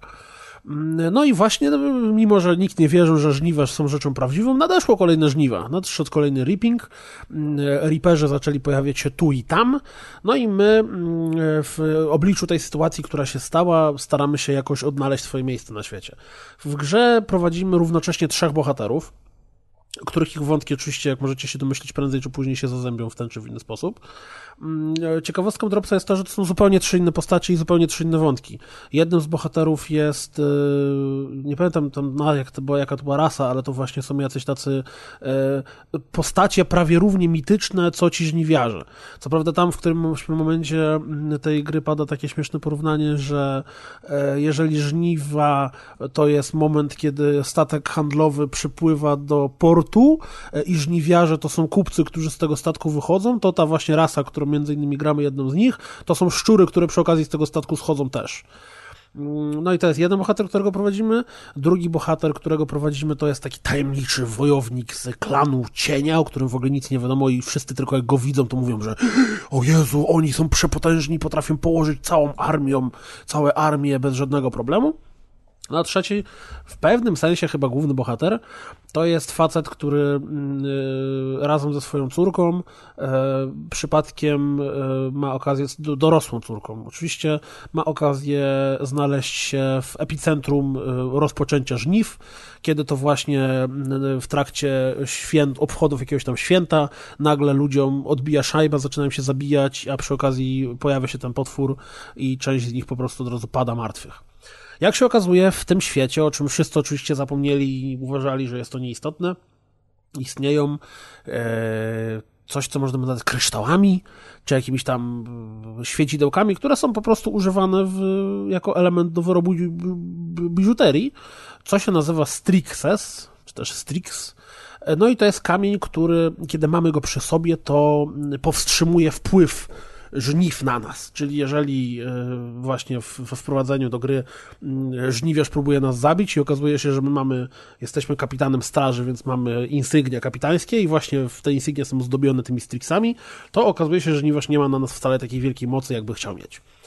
No i historia mm, przedstawiana jest po pierwsze przez rozmowy między postaciami, które wyglądają całkiem fajnie, bo jest to zrobione tak, że mamy sobie wizerunki postaci i w zależności od tego, kto mówi, to kamera tak się przeskakuje, czyli jeżeli e, nie mamy tylko jednej osoby, tylko patrzymy po prostu nawzajemnie w zależności od tego, kto mówi, że tak jakby mm, za czyichś pleców patrzymy w danym momencie.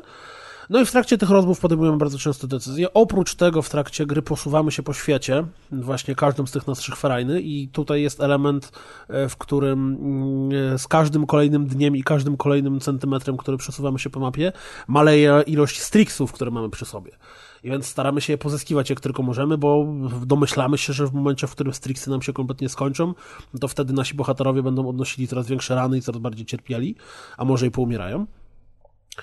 Eee, no i oprócz tego właśnie również chodząc po tej mapie zdarza nam się regularnie podejmować decyzje. I tu jest też ciekawy myk, bo twórcy reklamowali tę grę jako, jeśli dobrze pamiętam, eee, roguelike narrative story. I chodzi tutaj o to, że niezależnie od tego, że mamy trzech bohaterów, to tak naprawdę wszyscy ci bohaterowie mogą umrzeć. I to w dowolnym momencie, i to w żaden sposób nie wpływa na game over, tylko to po prostu wpływa na to, jak nasza historia się potoczy. Ja w którymś momencie, mm, jak już się przeszedłem, potem zacząłem sobie właśnie patrzeć po, po innych rozwinięciach i właściwie każde zakończenie, jakie znalazłem, było innym niż ja miałem, to, to było dosyć interesujące. I to nawet jeżeli sam w sobie mm, outcome dla świata był taki sam, jak ja miałem, to na przykład w ostatniej walce było zupełnie inne postaci niż, niż te, którymi ja doszedłem. Mm, no i jednym z dobrych przykładów było to, jak to w którymś momencie e, nasza, nasza dzielna brygada e, wychodzi z lasu i nagle widzi przed sobą e, już nacierającą armię wroga. No i możemy podjąć dwie decyzje. Możemy albo wskoczyć na konie i spróbować uciekać tejże armii, albo możemy spróbować się przebić przez jakiś mały oddział i pędzić do, do najbliższej twierdzy, gdzie, gdzie, gdzie jest nasz schron. No i ja postanowiłem przebić się przez ten mały oddział. No i dzięki temu odpaliły mi się pod rząd 3 czy 4 y, dosyć trudne walki, no ale które udało mi się wygrać i udało mi się do tego, że z chronu mm, twierdzy uciec. No i z ciekawości zobaczyłem, że gdybym tego nie zrobił, to znaczy gdybym postanowił uciekać, e, to nie udałoby mi się uciec, zostałbym złapany i cała moja ekipa zostałaby zabita. A jest to o tyle zabawne, że w tej ekipie byli bohaterowie, którzy w moim przypadku decydowali o tym, o zakończeniu mojej całej historii. Więc ten myk z roguelike story e, ma o tyle dużo sensu, że faktycznie czujemy, że nasze decyzje, które podejmujemy i, i, i to, na co się decydujemy, może mieć bezpośrednie przełożenie na, na, na to, jak to się dalej potoczy. Tak samo jak również to, że kiedy walczymy i kiedy nasz bohater zginie w trakcie walki, albo dostanie jakieś wyjątkowe mocne, mocne pierdzielnięcie po głowie, to może być ranny. Jeżeli ktoś jest e, bardzo ciężko ranny, bo te rany tam rosną, jest najpierw tak jakby jedna trupia czaszka, dwie, trzy, to wtedy po prostu może zginąć. I, I oprócz tego, że to może być jakaś poboczna postać, to też głównym bohaterom też może po prostu przyjść śmierć w walce. Więc to jest pomyślane całkiem spoko. Muzykę do gry tworzył e, Skorpik, więc jak możecie sami się domyślić, mm, jest ona całkiem niezła. I mówiąc szczerze, grało mi się w to bardzo przyjemnie. Spędziłem z tym naprawdę y, kupę dobrego czasu i cała w sobie historia i to, jak ona tam się rozwija i, i jakie niuanse się przed nami pojawiają, postacie, które spotykamy. Jest takie cały czas wrażenie, mm, powiedziałbym, lekkiego przygnębienia, że generalnie widać, że to jest świat, który już stoi na krawędzi i raczej nikt go nie uratuje, więc tutaj nie walczymy bo, o happy enda. Bo w ogóle... Mhm. Bo tak fabułę pisał do tej gry prawdziwy, że tak powiem, autor e, rosyjski, no fantazy science fiction, e, Siergiej Malicki. O proszę. Który, który zresztą według Wikipedii ma również polskie korzenie.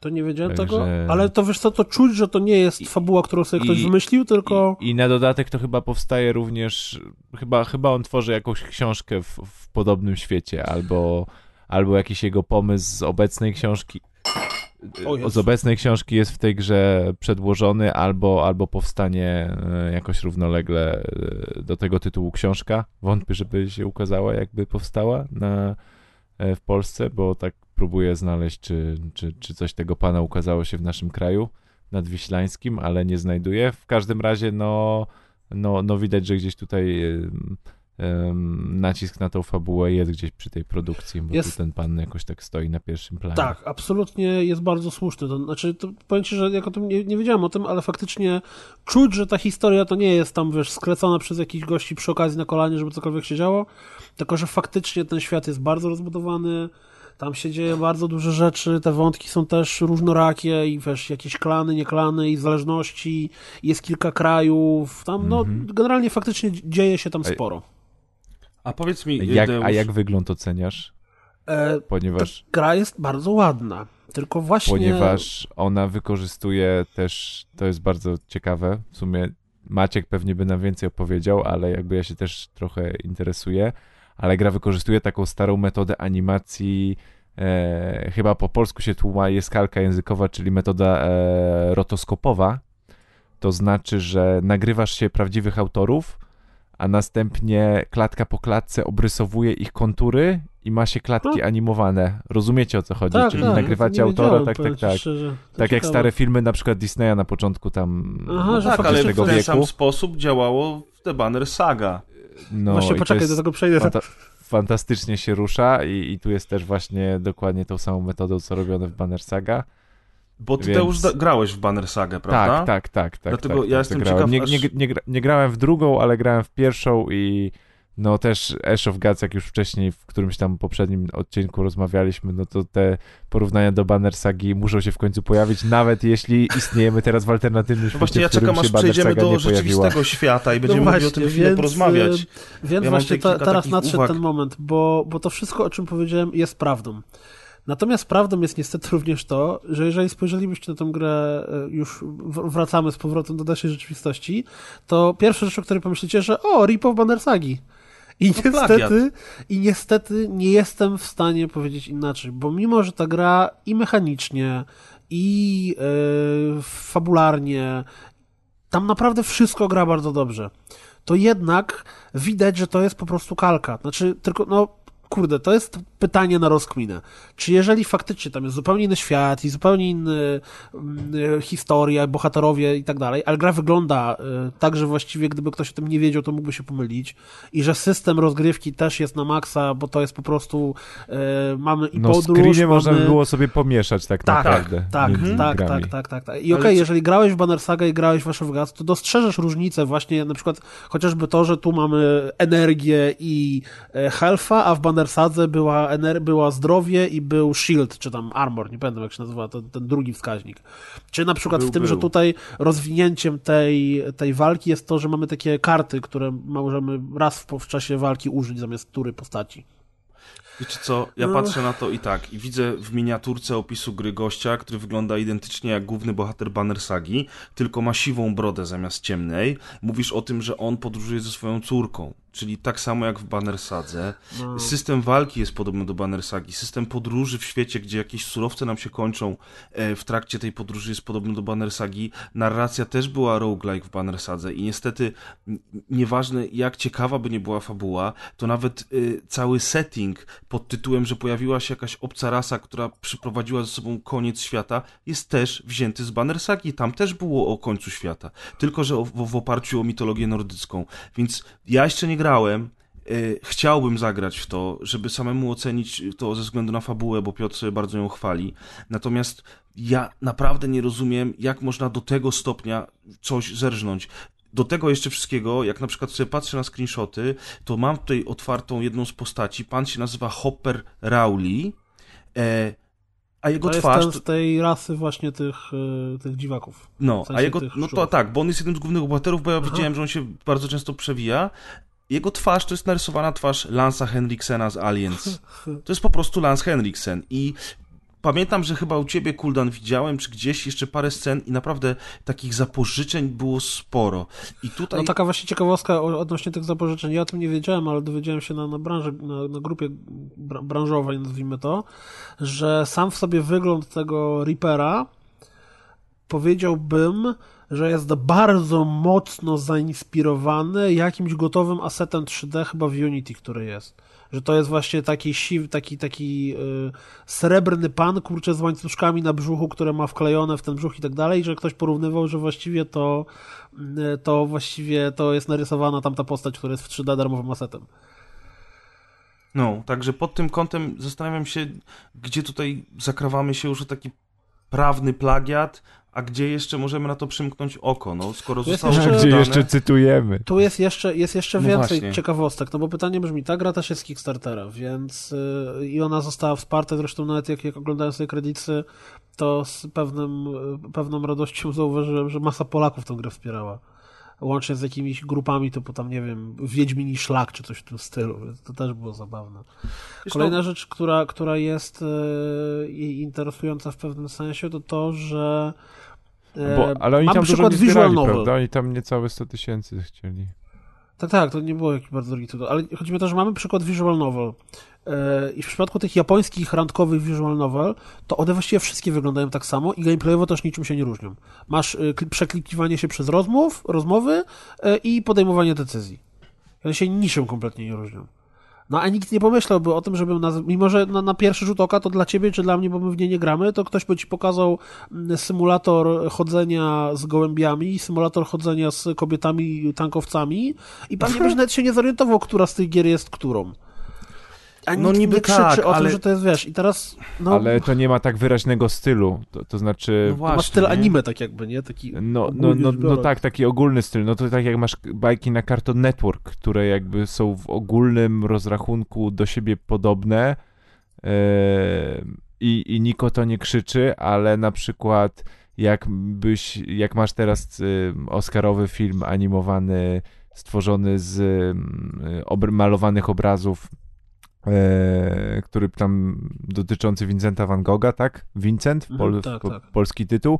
No i teraz załóżmy w przeciągu dwóch lat wyszedłby bardzo podobny tytuł, no to od razu by wszyscy o tym mówili, że to jest film podobny, bo jeśli jest wyraźny styl artystyczny, no to jeśli wychodzi coś podobnego o wyraźnym stylu artystycznym, no to ciężko jest wierzyć albo mm, za, zawieszać swoją niewiarę na tym, że ktoś wpadł na tak charakterystyczny pomysł, tak? Znaczy, Artystycznie. ewidentnie, znaczy, no przykro mi, niezależnie jak dobrze bym się z tą grą bawił, to wiem, że to było tak, że chłopaki z tego rosyjskiego studia zobaczyli, ej, zróbmy Banner Saga po swojemu. No niestety tu nie da się jej powiedzieć na 100% tak to A że byli wyglądać. Rosjaninami, więc im więc wszyscy powiedzieli, no pewnie. Nie do problemu. A, ja już nie chciałem nic mówić, jak powiedzieliście, że to jest studio rosyjskie. Ja tylko że takie, aha, okej. I oni, następną, następną grą, którą oni zrobią, to będzie, to będą te kartony do, do tego, do Nintendo. Znaczy, oni w ogóle, plany były takie, że to uniwersum całe, które ten pisarz stworzył, to ma być uniwersum, czyli oni kolejną grę chcieli robić też w tym świecie, nie? Natomiast co z tego A wyjdzie, to Battle Royale zrobią w takim razie i Ale będzie. takiego jak ty mówiłeś, Deusz, z samochodami, że będą tam, wiesz, No. jeździli. Y, Więc no mówię, dla mnie, podsumowując już trochę, dla mnie z Ash of Gods Redemption, bo tak ta gra się nazywa, nie wiem czy to padło, czy nie, więc powtórzę jeszcze raz, Ash of Gods Redemption. Problem jest taki, że to jest świetna gra, która jest żynką z Banner Sagi. I jeżeli ktoś ma na to kompletnie wywolone, ze względów nazwijmy to, nie wiem, poszanowania artystycznego, czy jakkolwiek, tak, jakkolwiek go zwał, no to możesz i lubi ten styl gameplayowy. Inna sprawa, że oprócz Banner Sagi takich gier przez ostatnie kilka lat, przecież Banner Saga jest nie z 2014 roku, mam 2018, to oprócz Banner Sagi i Banner Sagi drugiej y, nie było takich gier. No tak, ogóle, no bo Banner Saga nie? była Banner Sagą. Rozumiesz? To, to, to nie było tak, że. No bo nie wiem, jak ja myślę sobie o grach podobnych do Banner Sagi, to przychodzi mi do głowy na przykład Regalia, tak? E, No nie, zupełnie nie, bo w Regal... albo- to- to- Nie. Wasteland 2. Rozumiesz? Chodzi mi o to, że masz podział pomiędzy podróżowaniem po świecie, dialogami, a systemem turowym walki. Natomiast każda z tych gier ma inny styl graficzny. Natomiast kiedy zestawisz ze sobą Banner Saga i um, Ash of Gods, to tak naprawdę to jest ta sama gra. I Właśnie, jak się nazywał ten silnik, na którym był pierwszy Fallout? Ojeny, ja nie pamiętam jak się nazywa Ale y, bo ch- chodzi mi o to, że też był taki moment, kiedy wyszło kilka bardzo podobnych RPGów do siebie. No tak, ale wszystkie były siedziały wydawane przez Interplay. No tak, no też prawda. Czyli gdyby, tutaj- gdyby się oni dogadali ze stoikiem, czy tam jakkolwiek ci goście od Sagi się nazywają, to było ok. No, nie wiem, ciężko mi to ocenić. Dla, dla mnie to jest po prostu zagwozdka. Ja nadal nie mam wyrobionego zdania, bo y, dla mnie to jest jawny plagiat, ale jednocześnie, skoro zostało to wydane, przyjęte i tak dobrze ocenione, bo to zbiera niezłe recenzje, prawda? Znaczy właśnie to też ciekawostkę wam powiem, że e, ja zerknąłem sobie na Metacritica i z zadziwieniem zobaczyłem, że ta gra ma jakąś strasznie niską ocenę. Tak? Jednak? E, I potem zacząłem się zastanawiać czemu. 79%. E, O, to strasznie niskie. Nie, 65. No właśnie, tylko wiesz na czym Aha, polega, okej. jaki polega myk? Że wśród jest tylko 12 recenzji, które się na tą ocenę wpływają, z czego jedna z nich to jest 5 na 100. I Metacritic nie bawi się w żadne No tak, obniżanie ten i ocena pod tytułem 5 na 100 znacząco obniża im ten Metacritic łączny. I ja to nawet tak liczyłem, że gdyby nie było tej oceny, to oni mieliby jakoś tam 70 kilka i w sumie to wtedy bym nawet nie, nie zmarszczył brwi na ten temat. Ja, ja widziałem na Steamie, że, że ta jakby ocena... Jest bardzo dobra, e, tak. Tak, ocena graczy jest, jest bardzo dobra. Mi to za- zazwyczaj te oceny na Steamie są dla mnie o wiele bardziej znaczące niż sporo. Metacritic. Tak naprawdę na Steamie. To Tak. nie jest tak, że mają tam 10 ocen, tylko mają ocen rzędu tam 500 czy, czy 600. I mają właśnie very positive, tak, tak jak mówisz. No, Więc no, no, no. kurde, to jest, to jest naprawdę dziwna sprawa, bo ta gra jest, ona grywalnie naprawdę dowozi. Plus przez, nie należy tego ukrywać, bo nie, nie wspomniałem o tym, tam jest dosyć wysoki poziom trudności. Ja miałem kilka razy, szczerze mówiąc, nie wiem co się dzieje, jeżeli się przegra walkę, czy właśnie wtedy twoje postacie giną wszystkie, czy możesz ją zagrać jeszcze raz, a wszyscy dostają damage, czy co, ale były dwie czy trzy takie walki, które ja mam wrażenie, że wygrałem po prostu świńskim szczęściem. Było dosłownie jedna tura później i bym przegrał. I tylko i wyłącznie dlatego, że skojarzyłem, że a tu mamy jakąś umiejętność, którą mogę teraz użyć, a tu coś tam, to jakimś cudem udawało mi się wygrywać. Taka ciekawostka. A no. Eee, Natomiast jeszcze, jeszcze coś, co możecie sobie zrobić niezależnie od tego, czy chcecie w to zagrać, czy nie, to e, bo na 100% to jest na, mm, na YouTubie, czyli zobaczcie sobie intro do niej. Bo intro jest e, całkiem ładną animacją wprowadzającą w, trochę w ten świat i w klimaty, których możemy się spodziewać. Mm, I, i tyle. I to było Ash of God's Redemption, opowiadał Kuldan, dyskutowali Deusz i Prez, a To teraz... jest podcast rozgrywka. Tak jest. A teraz przechodzimy do, do gry, która nazywa się Is Origin i jest dosyć e, starawą już produkcją, bo ma lat 12, e, ale została ostatnio wydana na e, konsolę nowej generacji i teraz niedawno trafiła na Xboxa One i jest to JRPG, zresztą z bardzo długiej serii, która miała już wiele odsłon i kiedyś o tej serii opowiadał Kaz, o ile mnie dobrze y, Tak, chyba tak. Jeszcze Opowiadał chyba jeszcze o wersjach na PSP w ogóle, tak mi się wydaje. Tak, bo to było na PSP, to wychodziło na jakieś starsze konsole, to się też pojawia na PC-tach, w każdym razie tych, tych, tych części było już wiele. I to Is Origin to jest taka część, która jak sam tytuł wskazuje, dzieje się gdzieś tam na początku, na początku całej sagi i pokaz, pokazuje korzenie Is, całej tej, tej, tej japońskiej serii i ograłem ją ja. I jeszcze jej nie przeszedłem. To jest samo w sobie to, że ty w nią pograłeś, to jest coś, co powinno was zainteresować. Tak, Tak, bo ja ale zobaczy... w ogóle pla i planujesz przejść, czy to jest jakiś Tak, taki ja planuję przejść, bo to jest gra na w twojej 10 głowie? godzin. I ja tylko i wyłącznie dlatego ją wziąłem, że zobaczyłem, że to jest gra na 10 godzin. Dostaliśmy ją do recenzji od Cosmo Cover. Pozdrawiamy Karolinę! Pozdrawiamy serdecznie. I generalnie rzecz biorąc, odważyłem się na ten krok. Mówię, 10 godzin to ja zrobię. Nie miałem czasu tego przejść do końca, natomiast mm, mnie strasznie y, gameplayowo ta gra wciągnęła. Y, naprawdę. Ale od początku. Y, to, jest, to jest taka japońska gierka, która wygląda jak troszeczkę y, czasy pierwszego PSX-a. Y, I gameplayowo też dosyć przypomina te czasy, co jest akurat zaletą, nie wadą.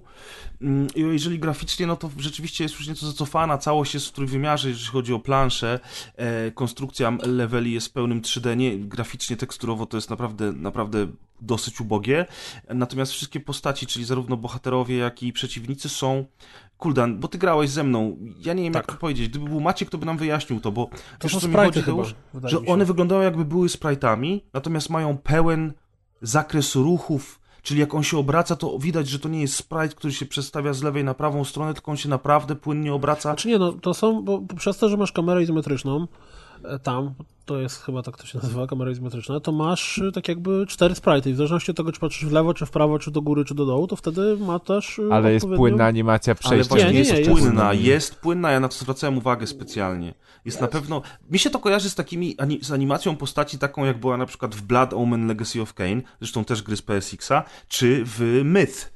The Fallen Lords i taka trochę nieco koślawa, sprajtowa animacja, ale jednocześnie właśnie e, taka bardziej, bardziej rozbudowana i w tym IS moim zdaniem to jest jednak pe pe pełna płynność. Zwłaszcza, że graliśmy, ja grałem, ile ty masz cali Kuldan u siebie? E, 55. No, ja mam 40 cali, Kuldan ma 55, grałem na obu i przyglądałem się temu ludzikowi malutkiemu bardzo szczegółowo i moim Byłeś zdaniem... zadziwiony, że u mnie jest e, lepsze odświeżanie. Tak, o Jezus Maria, strasznie to było dla mnie. Od razu się poczułem jak ten gorszy Janusz. Halina, kurła! Musimy jechać do Mediamarktu! Kuldan ma lepszy telewizor. No, ale u niego to odświeżanie ojej, robiło różnicę. Natomiast nieistotne, e, gra jest e, tak naprawdę hack and slashem, bo to JRPG to jest trochę zbyt duże słowo. Mamy do wyboru jedną z dwóch postaci, albo taką wojowniczkę, albo maga. Ja grałem magiem e, fabularnie zupełnie nieistotne jest, co się dzieje w tej grze. Przychodzą demony skądś e, i miasto czy kraina Is musi się ulotnić w powietrze niczym w drugich Borderlandsach żeby, żeby się od tych złych demonów e, oddalić. Natomiast dwie boginie tej krainy Is w trakcie tej zawieruchy znikają i prawdopodobnie zostały w takiej magicznej wieży, która jest na ziemi. E, no i nasz bohater razem, razem z całą wyprawą rusza, żeby te boginie odnaleźć. Natomiast wyprawa e, niczym w drugich Gears of War, w ogóle ląduje w różnych miejscach i ten nasz bohater tak naprawdę będzie zbierał do kupy tych ludków, ale tak naprawdę całą grę gramy w pojedynkę.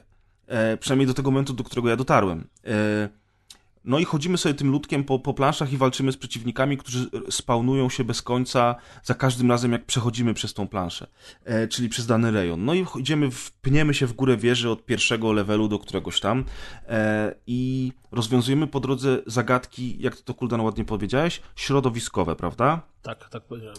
Te zagadki są całkiem ciekawe, mamy różne rzeczy, które nam pomagają, bo na przykład są etapy pod wodą i musimy najpierw zdobyć e, odpowiedni naszyjnik, który pozwala nam dłużej pod wodą e, oddychać, czy tam wstrzymać powietrze, albo na przykład maskę, która e, pozwala nam widzieć ukryte przejścia, ale kiedy nosimy tę maskę, to nie widzimy przeciwników więc warto jest na przykład najpierw oczyścić planszę z przeciwników, potem założyć maskę, poszukać sekretnego przejścia w ścianie.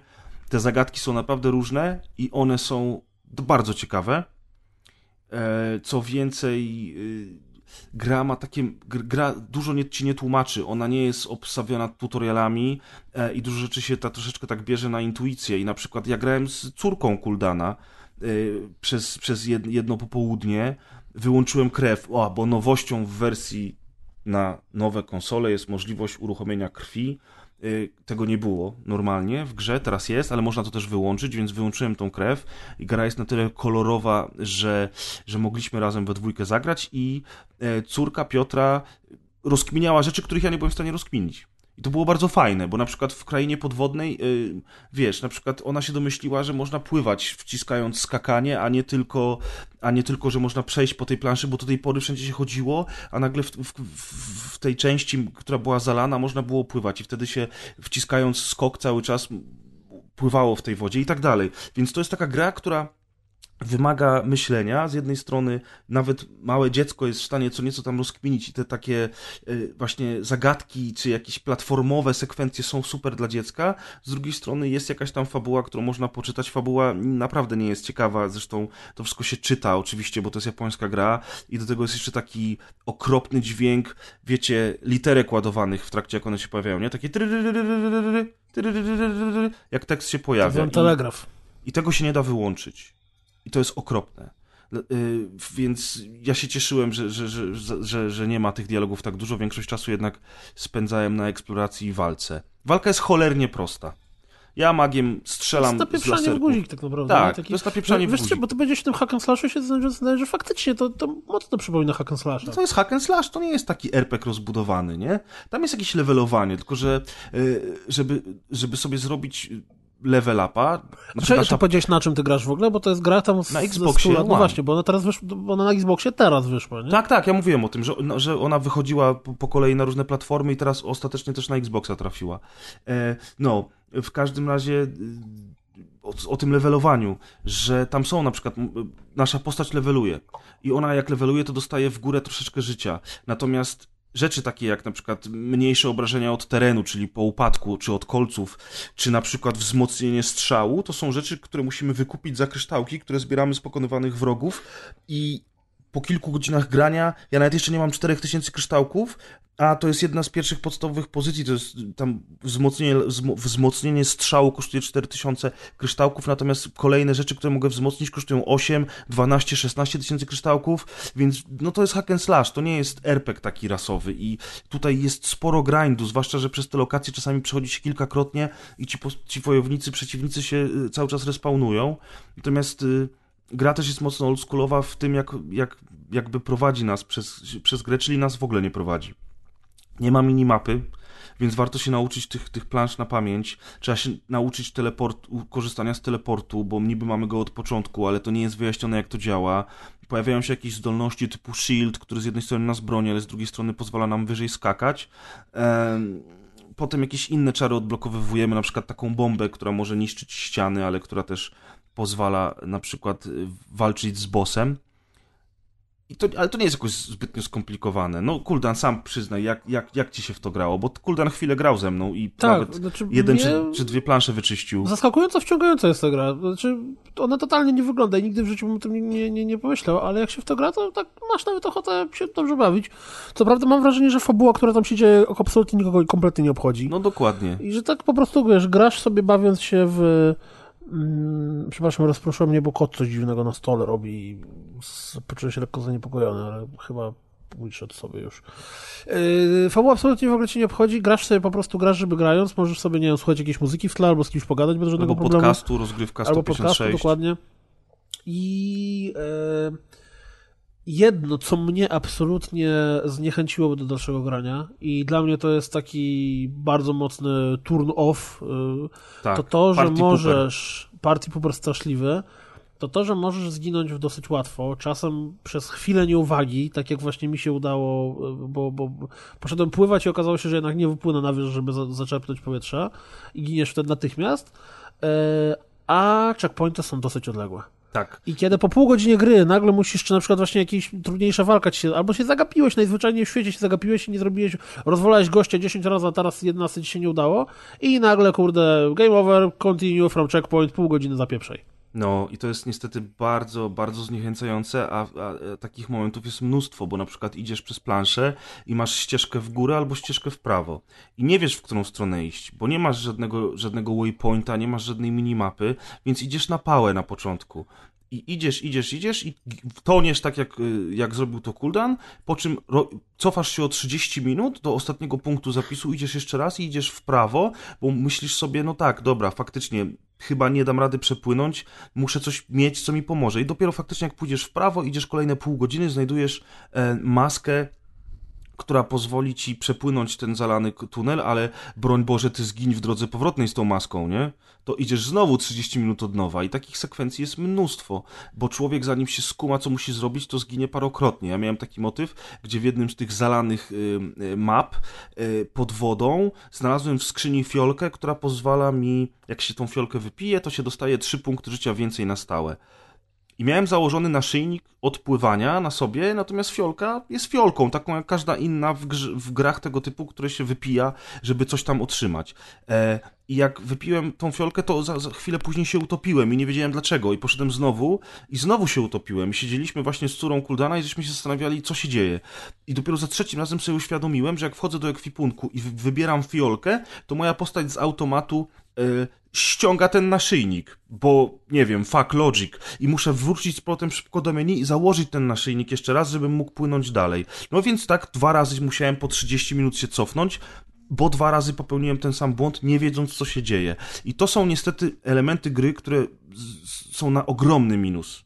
To bardzo, bardzo, ale to bardzo zniechęca do zabawy. Na szczęście ten gameplay jest na tyle przyjemny i na tyle wciągający, że że chce się grać dalej. Ja tak jak mówiłem, nie przeszedłem gry jeszcze. E, na pewno chcę to przejść, natomiast właśnie przez te próby i błędy gra się dużo dłużej niż, ni, niż zakłada teoria, nie? I trafiłem teraz na takiego bossa, który straszne baty mi spuszcza i nie wiem jak go pokonać, ale to też jest fajne, że przy walkach z bossami trzeba trochę pokombinować, potem jak się człowiek nauczy już tego wszystkiego, to, mm, e, to zaczyna chwytać co zrobić, każda, każda walka jest inna i to też wciąga. Ale tutaj psikus, wyobraźcie sobie, nie wiem, jaki geniusz y, to zaprojektował. Y, podczas walk z bossami nie można ani wejść do ekwipunku, przez co na przykład jak wszedłem na walkę z bossem i miałem nie ten czar, co trzeba wybrany, to nie byłem w stanie po prostu go pokonać i musiałem zginąć, wyjść do menu i jeszcze raz wejść do tego bossa, ale nie można też zrobić pauzy. Więc jeżeli walczysz z wymagającym bossem i walka trwa 15 minut, to nie pójdziesz siku w międzyczasie. No, pauzy się nie da zrobić. w spodnie, to jest oczywiste. To jest, no wiesz, co, wiesz, tyle lat, gry, tyle, tyle lat grasz w gry, że wiesz, już mógłbyś mieć wytrenowany pęcherz. no, się, no wiesz, tak, tutaj... także to jest, wiesz, to jest prawdziwa gra dla prawdziwych mężczyzn, dlatego wszystkie postaci są takimi malutkimi, kolorowymi ludzikami w tej grze, nie?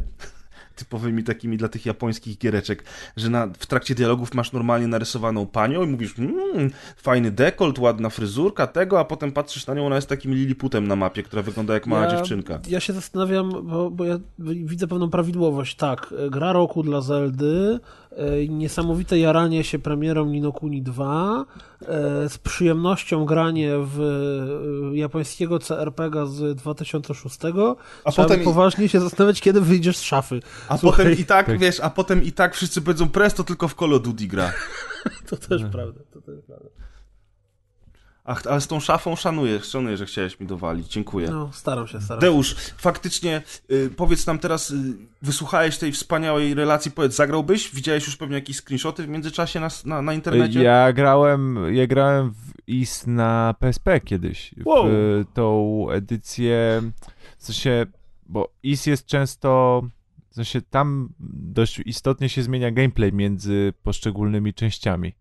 To mhm. nie jest tak, że, że każda część gry jakby operuje na, tych, na tych samych mechanikach.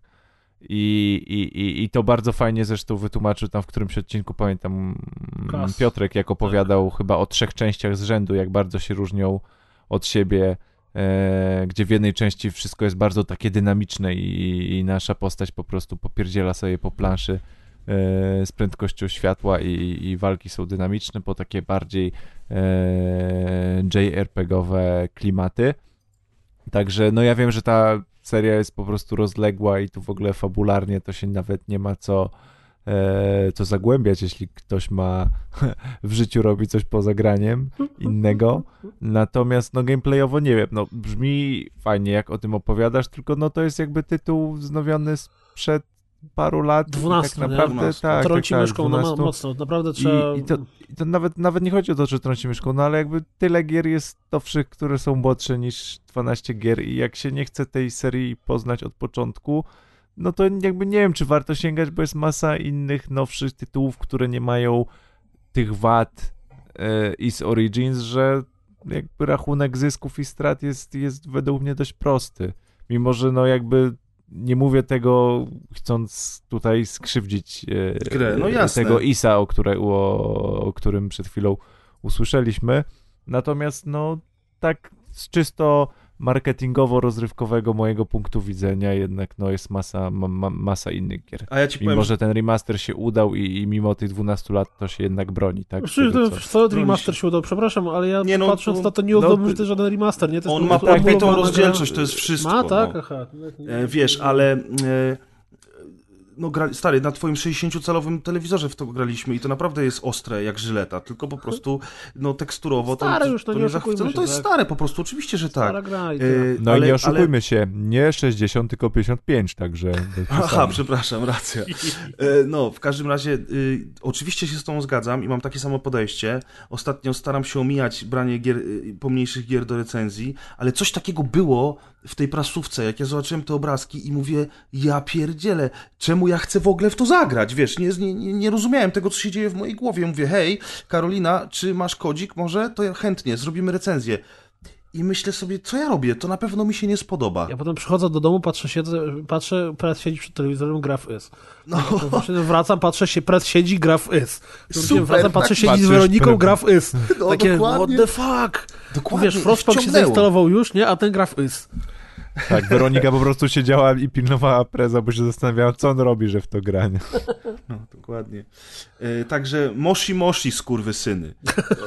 I to był Is Origin Press, yy, a teraz przechodzimy do, o Jezusie, teraz mamy same po prostu smakołyki. W, Same hity. W, mamy hity, mamy smakołyki, mamy niesamowitości. Czy czytałeś trochę o historii tego cudaka, o którym będziemy teraz mówić? E, nie, ale ja wiem, z czym to mi się kojarzy, więc ty nam opowiesz o historii, a ja powiem ci, A, z z czym grom to mi na się komórki kojarzy. ci się kojarzy, czy nie?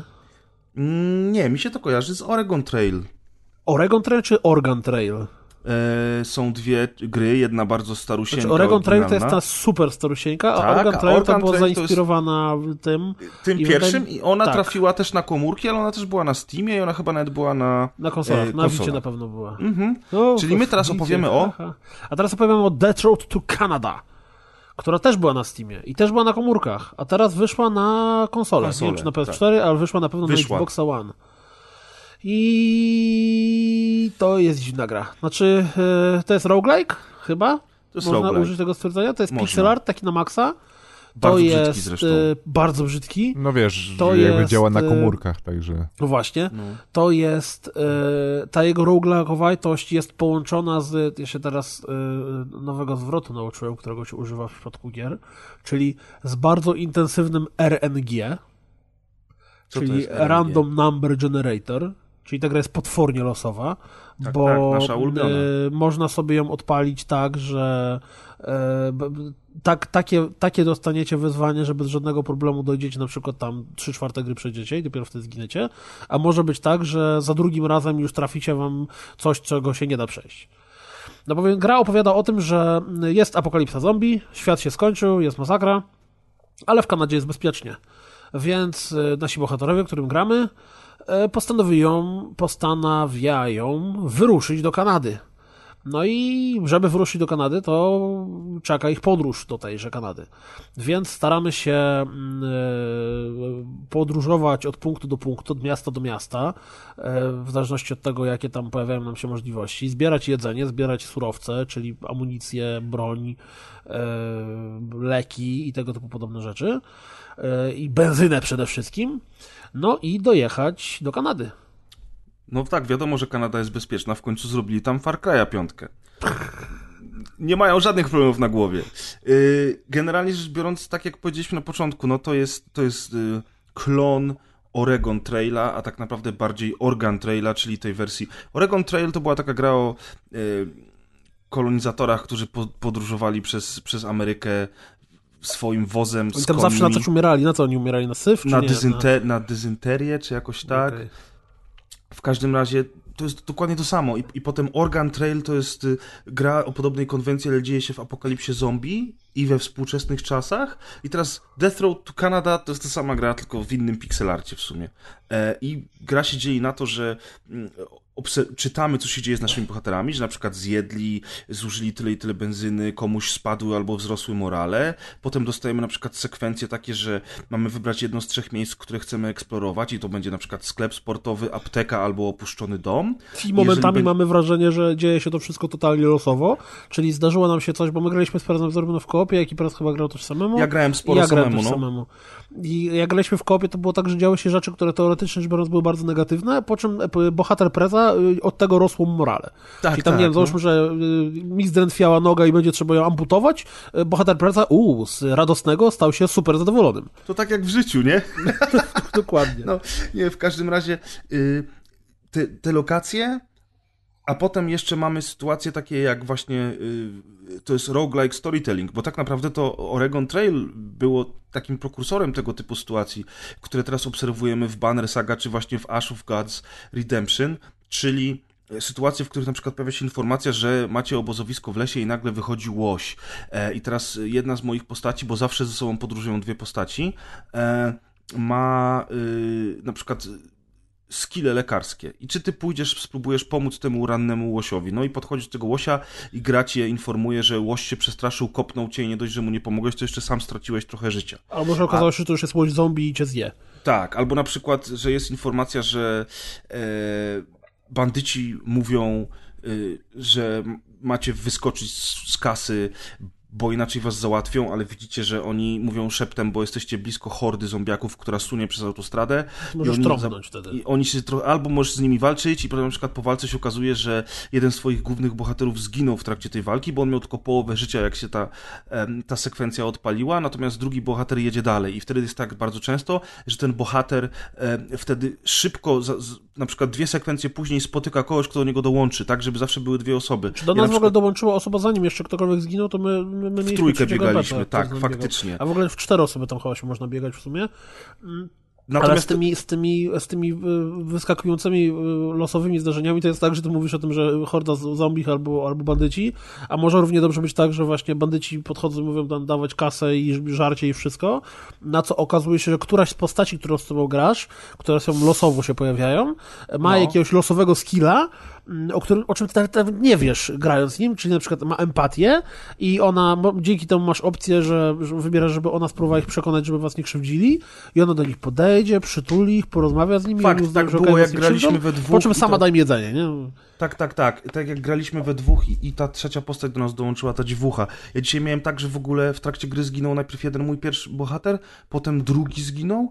Y, Z nim była dziwucha, która została jako jedyna, więc grałem nią i ona za chwilę spotkała jeszcze jednego gościa i on do niej dołączył i w połowie gry już grałem zupełnie innymi postaciami niż na początku. I to jest Jeszcze ciekawe. to, co jest bardzo istotne, to to, że bo myślicie sobie e, gra o zombich, czyli e, że sukcesywnie czyścicie miejscówki. Nie, tak się nie robi. W tej grze jest tak, że tych zombich jest zawsze za dużo.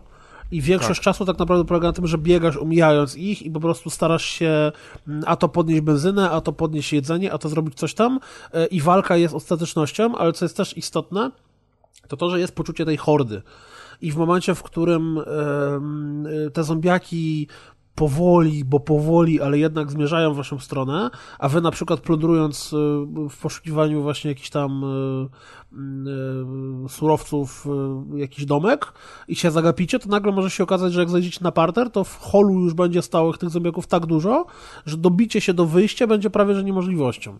I faktycznie No. momentami ma się wrażenie takiej faktycznie wolnej, ale niezniszczalnej hordy. Co I też tutaj- jest zabawne, bo przez to, że cały czas podróżujemy samochodem, więc kilka razy było tak, że spieprzaliśmy już ledwo, bo co, kiedy, kiedy kroczyła za nami taka naprawdę bardzo duża ho- horda, a tam y, myk polega na tym, że jak wsiądziemy do samochodu, to najpierw musimy go odpalić, a potem jak go już odpalimy, to musimy ruszyć z przytupem. I samo w sobie to, że odpalenie to nie jest klikasz start engine, tylko czasem po prostu samochód nie chce odpalić, jak to w horrorach zawsze. Tak. Wiadomo, że, że silnik nie odpala w najistotniejszym momencie. I dokładnie tak właśnie było, że my robiliśmy, odpalamy, odpalamy, a to nic, a to nic. I w którymś momencie odjechaliśmy tak w totalnie ostatniej chwili, zanim oni nam to auto rozwalili. No, y, i tutaj tak, tak naprawdę jak słucham teraz siebie i Kuldana... To jest lepsza gra niż jest grze, faktycznie w naszej opowieści, Tak, to, to w naszej opowieści ta gra jest lepsza ni- niż ona rzeczywiście jest, bo y, zamysł jest fajny, natomiast wykonanie już trochę gorzej, dlatego że ta walka jest taka sobie.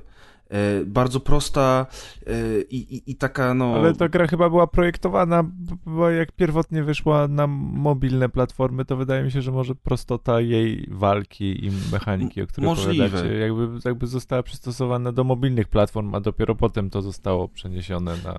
Możliwe, na natomiast konsolę. wiesz, abstrahując już od walki, bo przecież to, ta gra nie jest tylko o walce, to jednak jeszcze jest oprawa audiowizualna.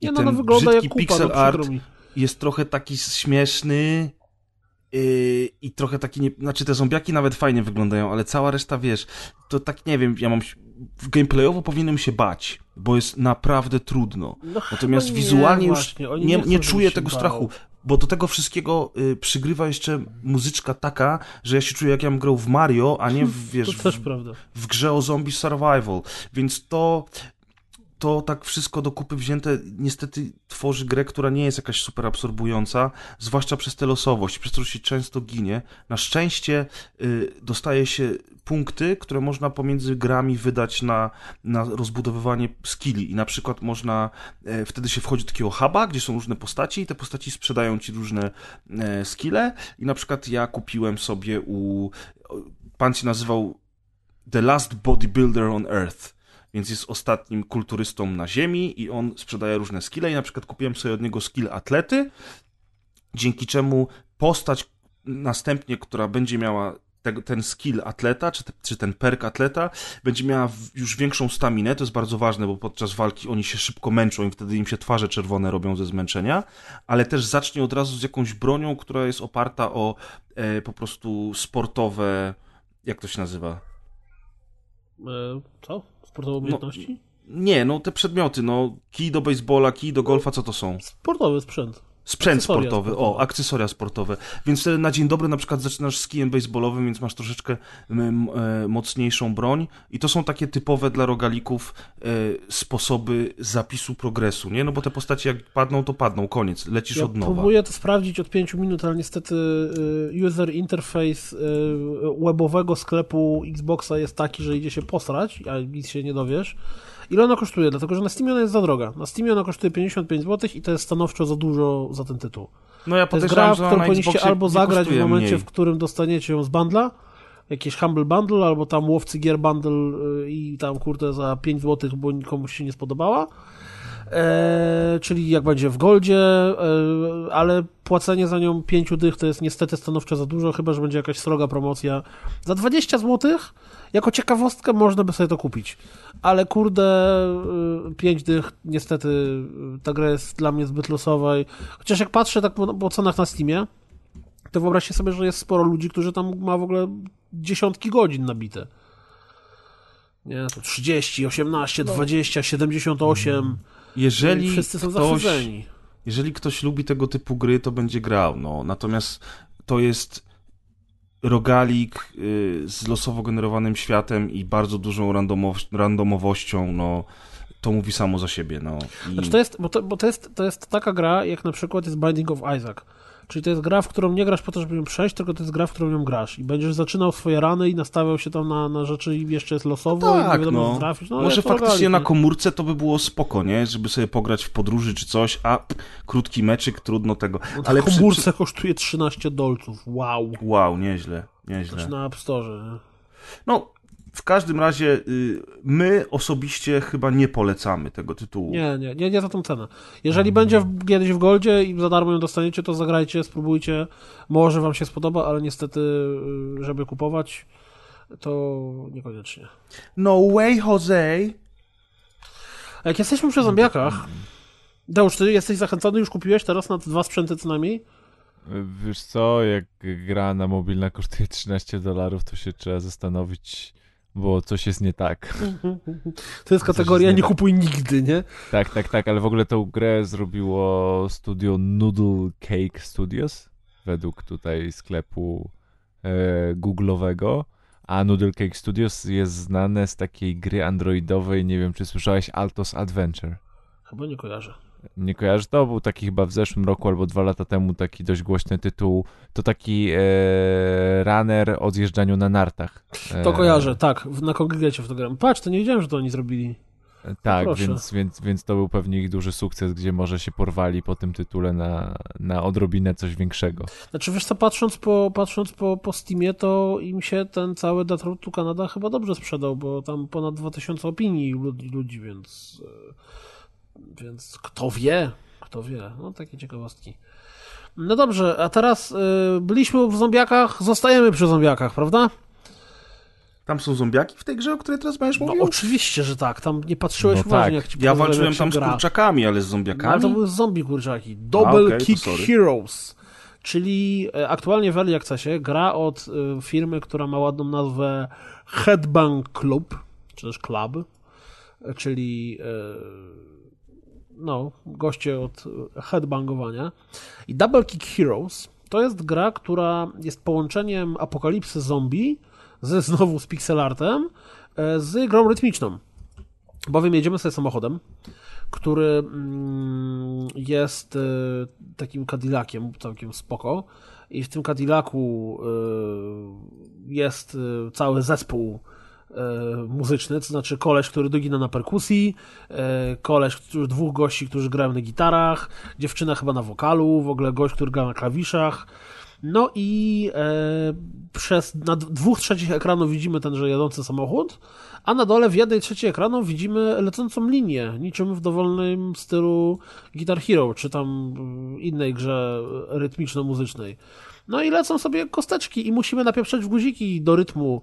Oczywiście jak to w każdej e, grze muzycznej, w jaką kiedykolwiek grałem, jeżeli gramy sobie na poziomie easy albo normal, czyli tutaj na poziomie chyba e, rock albo hardcore rock albo coś tam w tym stylu, bo tutaj poziomy trudności są oznaczone Mm, e, gatunkami muzycznymi, no to wtedy to nie za bardzo ma sens, bo te yy, mamy na przykład tylko jedną linię, tylko jeden instrument i tych klocków wcale nie ma tak dużo i też nie do końca są powiązane z muzyką, więc lepiej zagrać na trochę trudniejszym poziomie, ale zarazem jak gram na trudniejszym poziomie, to momentami tam się pojawiają takie składanki tego naciskania guzików, bo przez to, że bardzo często jest tak, że mamy e, tak jakby mm, nawalać w jeden guzik, bo, bo tam jest tak.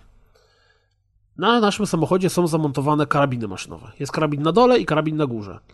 I mimo to, że leci jedna linia melodyczna, to tak czy siak możemy nacisnąć albo w guzik odpowiedzialny za karabin na dole, albo w guzik odpowiedzialny za karabin na górze. Bo w zależności od tego, czy zombiaki nas atakują od góry czy od dołu, to tak wybieramy, którym karabinem strzelamy.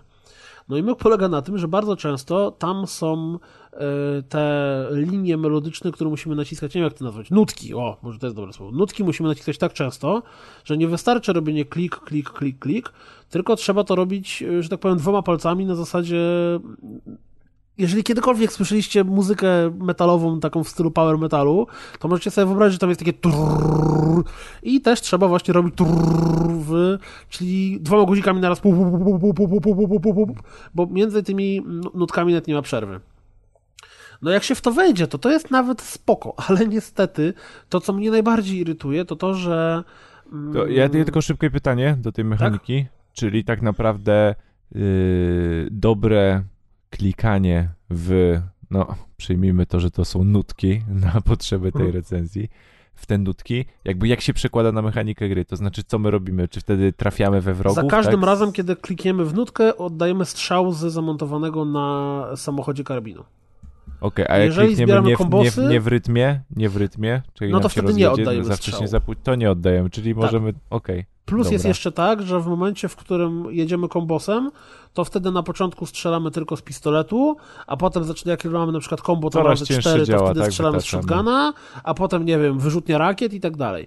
No i mm, cały problem polega na tym właśnie z tym, że yy, na górze tam się dzieje dużo rzeczy, bo my jedziemy tym samochodem, chłopaki grają, yy, nas gonią, nie wiem, jakieś samochody, kurczaki, wielki zmutowany yy, ten w wodzie z, gryzie, rekin.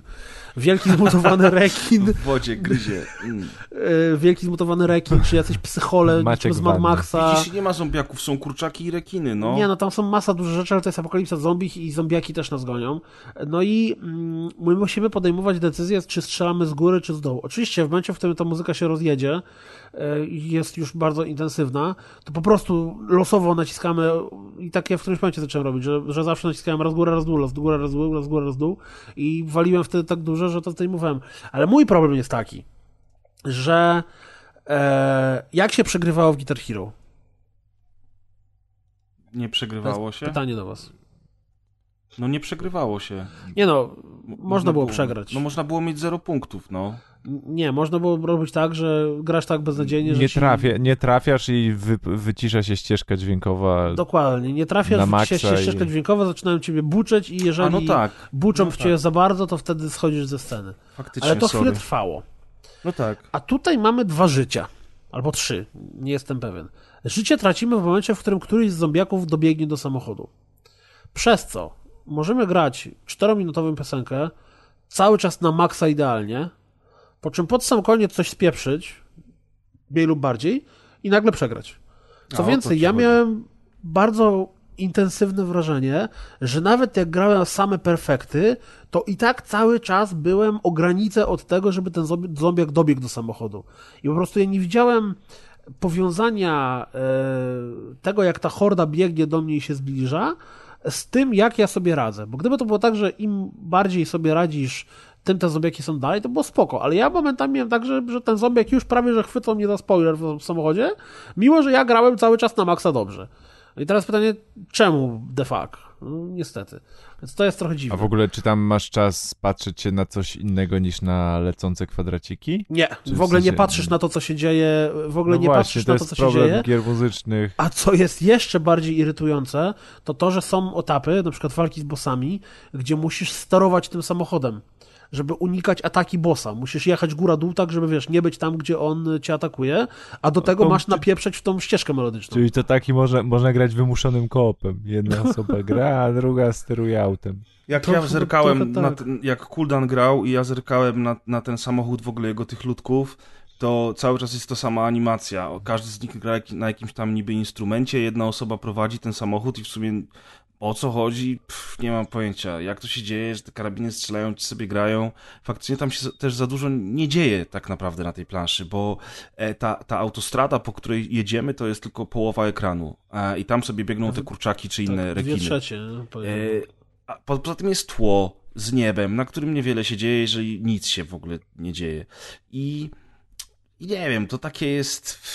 Do tego problem mam też jeszcze jeden z tą grą. Muzyka, która leci w tle, Jest taka e, bezpłciowa na maksa. wiesz, to, to jest malutka gierka, na którą nie ma dużego budżetu. Oni tam nie wynajęli ani znanych nazwisk, ani nie wykupili licencji na, na, na znane kawałki, więc to, co tam przygrywa w tle, to nawet nie sprawia jakiejś dużej frajdy. Znaczy, nie, no to masz rację, że gdyby, gdybyś grał y, do, wiesz, do jakichś, kurde, szlagierów, nie wiem, gdybym ja miał nawalać w ten rytm do Raining Blood, to pewnie też zupełnie inaczej by mi się grało. No ale nie ma szans, bo mówimy o małej indie gierce, gdzie nie będzie, nie będzie kasy na, na wielkie licencje. Jest jeszcze tak, no ale jedna- to jest, py... no, ale to jest pytanie, czy jakby to jest format dla indie gry w takim razie. Czy gra muzyczna, która No nie, super właśnie o to chodzi, że nie jest jest. formatem dla gry indie. no Ktoś się miał pomysł. na taką grę. Ktoś miał pomysł na coś fajnego, ale niestety chyba nie do końca mu to coś fajnego wyszło. To, to jeszcze w ogóle to, co jest dla mnie takie, wiesz, możesz docenić czyjeś staranie, to znaczy yy, tam jest story mode. I ten story mode bardzo stara się być zabawny. Tak stara się być zabawny, że to jest ten taki klasyczny motyw wrzucania tam tak dużo motywów, które rozpoznasz jak tylko się da. Czyli na przykład jak dojeżdżasz w którymś momencie do więzienia, to w tym więzieniu e, jeden koleś wygląda jak e, Danny Trejo, Danny Trejo z A maczety. drugi jak wokalista Metaliki. Tak, a drugi wygląda identycznie i nawet się nazywają tak, żebyś wiesz, że o, nie mamy licencji na wykorzystanie, ale to jest tam Lars. No i ta, ta, i są fajne, fajne są na przykład takie y, easter eggi, że na przykład w jednej z tych cel wisi plakat The Evil Dead, a na minimapie jak oglądasz jest znaczek Duke'a Nukema i tam, no, no są takie smaczki, ale co z tego tak naprawdę? No. Co z tego? No, niestety. Ja się trochę zawiodłem, bo, bo znaczy, to nie jest tak, że jakoś czekałem bardzo mocno na ten tytuł. Ja go zobaczyłem, wydawało mi się. Ja lubię gry muzyczne. E, W Guitar Hero swego czasu przegrałem masakrycznie dużo czasu, ale jednak gra muzyczna, w której nie mamy y, muzyki. W sensie nie mamy muzyki, która nam coś mówi. Tam były takie troszeczkę e, brzmienia, które powiedzmy, że może mi coś przypominały. Natomiast to trochę za mało, żebym ja chciał spędzić przy tej grze czas i bawić się we wciskanie jednego przycisku, nie? I kolejna rzecz, która mnie osobiście trochę zirytowała, to to, że nie ma możliwości zmiany poziomu trudności w trakcie gry. Znaczy nie możemy, bo ja zrobiłem tak, że odpaliłem sobie tam na tym drugim poziomie trudności od dołu i przeszedłem chyba trzy misje, po czym uznałem, okej, dobra, jest za łatwo, chcę więc wyższy, po czym dowiedziałem się, że jak ja teraz zrobię wyższy, to i tak będę musiał grać od początku, bo się save nie zapisze. Takie, co? Czemu? To jest bez sensu. I tak samo, że oprócz Story Mode jest Arcade Mode, który tak czy siak polega na odgrywaniu po kolei wszystkich tych y, sesji z, z Story Mode. Więc niestety, ale mm, ode mnie y, Double Kick Heroes ma, ma, y, nie ma okejki. Tylko No, ma- ale to jest early access, może coś jeszcze poprawią w międzyczasie, także póki co e, radzimy odpuścić, a kiedyś w przyszłości może jeszcze o tym porozmawiamy. Może, może, a może nie. Zobaczymy.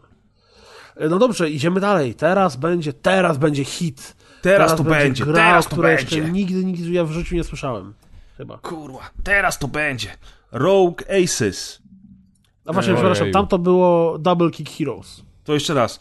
Y, A teraz opowiem o Rogue Aces. E, Jest to taka gierka, y, którą przytuliłem do recenzji na Vita, bo wyglądała jak idealna gra do pogrania. y, Mam wrażenie, że lepszą historią konsoli. byłoby twoje przeżycie z Witą niż... No więc generalnie rzecz biorąc, Vita się natychmiast zepsuła, bo kupiłem używaną i więcej już nigdy nie kupię używanego sprzętu. To był głupi pomysł. E, I musiałem niestety poprosić o kod na PS4. E, no, trochę mi było głupio. Mówię, słuchaj, sorry stary, taka sytuacja jest, a nie inna, ale to nie jest Call of Duty ani God of War, więc ten kodzik e, drugi szybko przyszedł na PS4 i niestety na PS4 ta gra już nie jest... Taka atrakcyjna, jak mogłaby być na konsoli przenośnej. To jest chyba taka sama sytuacja jak z tym omawianym dziś przez nas Death Road to Canada, że Rogue Aces jest e, fajną grą na szybkie posiedzenia, ale w podróży, a niekoniecznie na granie e, na kanapie, na dużym telewizorze, kiedy obok, nie wiem, czeka God of War czy, czy Star Wars Battlefront 2. W każdym razie, e, mi się ta gra rzuciła w oczy dlatego, że ona bardzo mocno skojarzyła mi się ze starusieńkim, legendarnym już Wings of Fury. Oczywiście znacie panowie, prawda? No ba! Tak. Ja za dzieciaka się zagrywałem na dużych dyskietkach na e, czarno-zielonym monitorze w to razem z ojcem i to było niesamowite przeżycie, które do dziś wspominam bardzo ciepło. Podejrzewam, że gdybym dziś zagrał w tę grę, to już troszeczkę mógłbym się od niej odbić, natomiast ona wtedy wydawała mi się po prostu idealną grą o samolotach.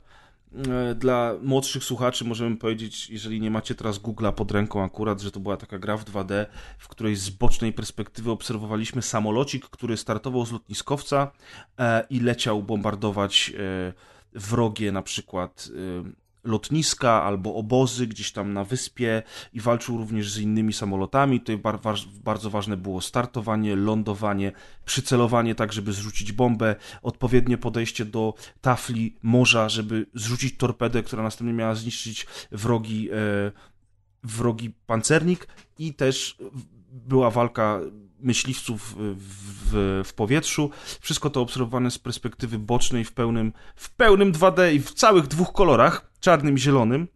Piękne czasy. I Rogue Aces wygląda bardzo podobnie na początek. I jak się ogląda screenshoty, to, to pierwsza rzecz, która przychodzi do głowy, to jest Wings of Fury. E, niestety bardzo szybko okazuje się, że to nie jest do końca prawda, bo Rogue Aces jest bardzo szybkie. Ten samolot strasznie zapieprza. Można, można jego prędkość zmniejszyć, ale tylko odrobinkę, bo jak się za bardzo zmniejszy, to jest, to wtedy samolot przestaje lecieć i spada do wody. To się nazywa po angielsku stall. Ja nie wiem, jak to się po polsku nazywa, to określenie. Wiecie o co chodzi, nie? Że jak jest zbyt niski pęd, to samolot przestaje jakby lecieć, tylko zaczyna spadać w dół, Tra bo traci siłę nośną. traci siłę nośną. Dziękuję ślicznie. I to jest duży problem w tej grze, więc trzeba bardzo często latać bardzo szybko i są tu całe wyspy, które możemy bombardować, czołgi, statki, tylko że naprawdę trzeba się nauczyć to robić, bo ten samolot tak szybko leci, że bardzo często wbijecie się w ziemię, zanim zrzucicie pierwszą bombę. E, I to jest słabe moim zdaniem, bo gdyby ta gra była wolniejsza, to naprawdę można by było fajne myki robić. Ja co prawda po dwóch dniach grania w nią e, nauczyłem się na tyle dobrze kontrolować ten lot, że, że bardzo dobrze mi szło, ale mimo wszystko tempo, tempo rozgrywki jest zabójcze i nie, dzie- przez to nie ma czasu patrzeć nawet na to, co się dzieje po tym, jak zrzucimy bombę, a szkoda, bo tam biegają też tacy malutcy żołnierze, jeżdżą czołgi, te budynki, na które zrzucamy bomby, to one często się rozpadają w fajny sposób, tam składają się z kilku elementów, więc to jest całkiem przyjemne. Natomiast przelatujemy tak szybko, że nie ma czasu tego oglądać. Większość czasu spędzamy jednak w powietrzu walcząc z innymi samolotami i o ile to jest całkiem przyjemna wymiana ognia, to mimo wszystko przez tą prędkość, z jaką ta gra chodzi, przez to tempo, które tam się dzieje, to jednak nie każdy będzie się przy tym dobrze bawił i największym minusem tego wszystkiego jest to, że te zadania, które wykonujemy polegają na, to, na tym, że my musimy lecieć gdzieś, zrobić coś i wrócić z powrotem na lotniskowiec i bardzo często taka misja trwa minutę i już wracamy e, i wszystko jest oczywiście losowo generowanym rogalikiem. I to tak naprawdę mnie e, zabiło w tej grze, bo gdyby to były przemyślane misja jedna po drugiej, to może To byś się nauczył misji.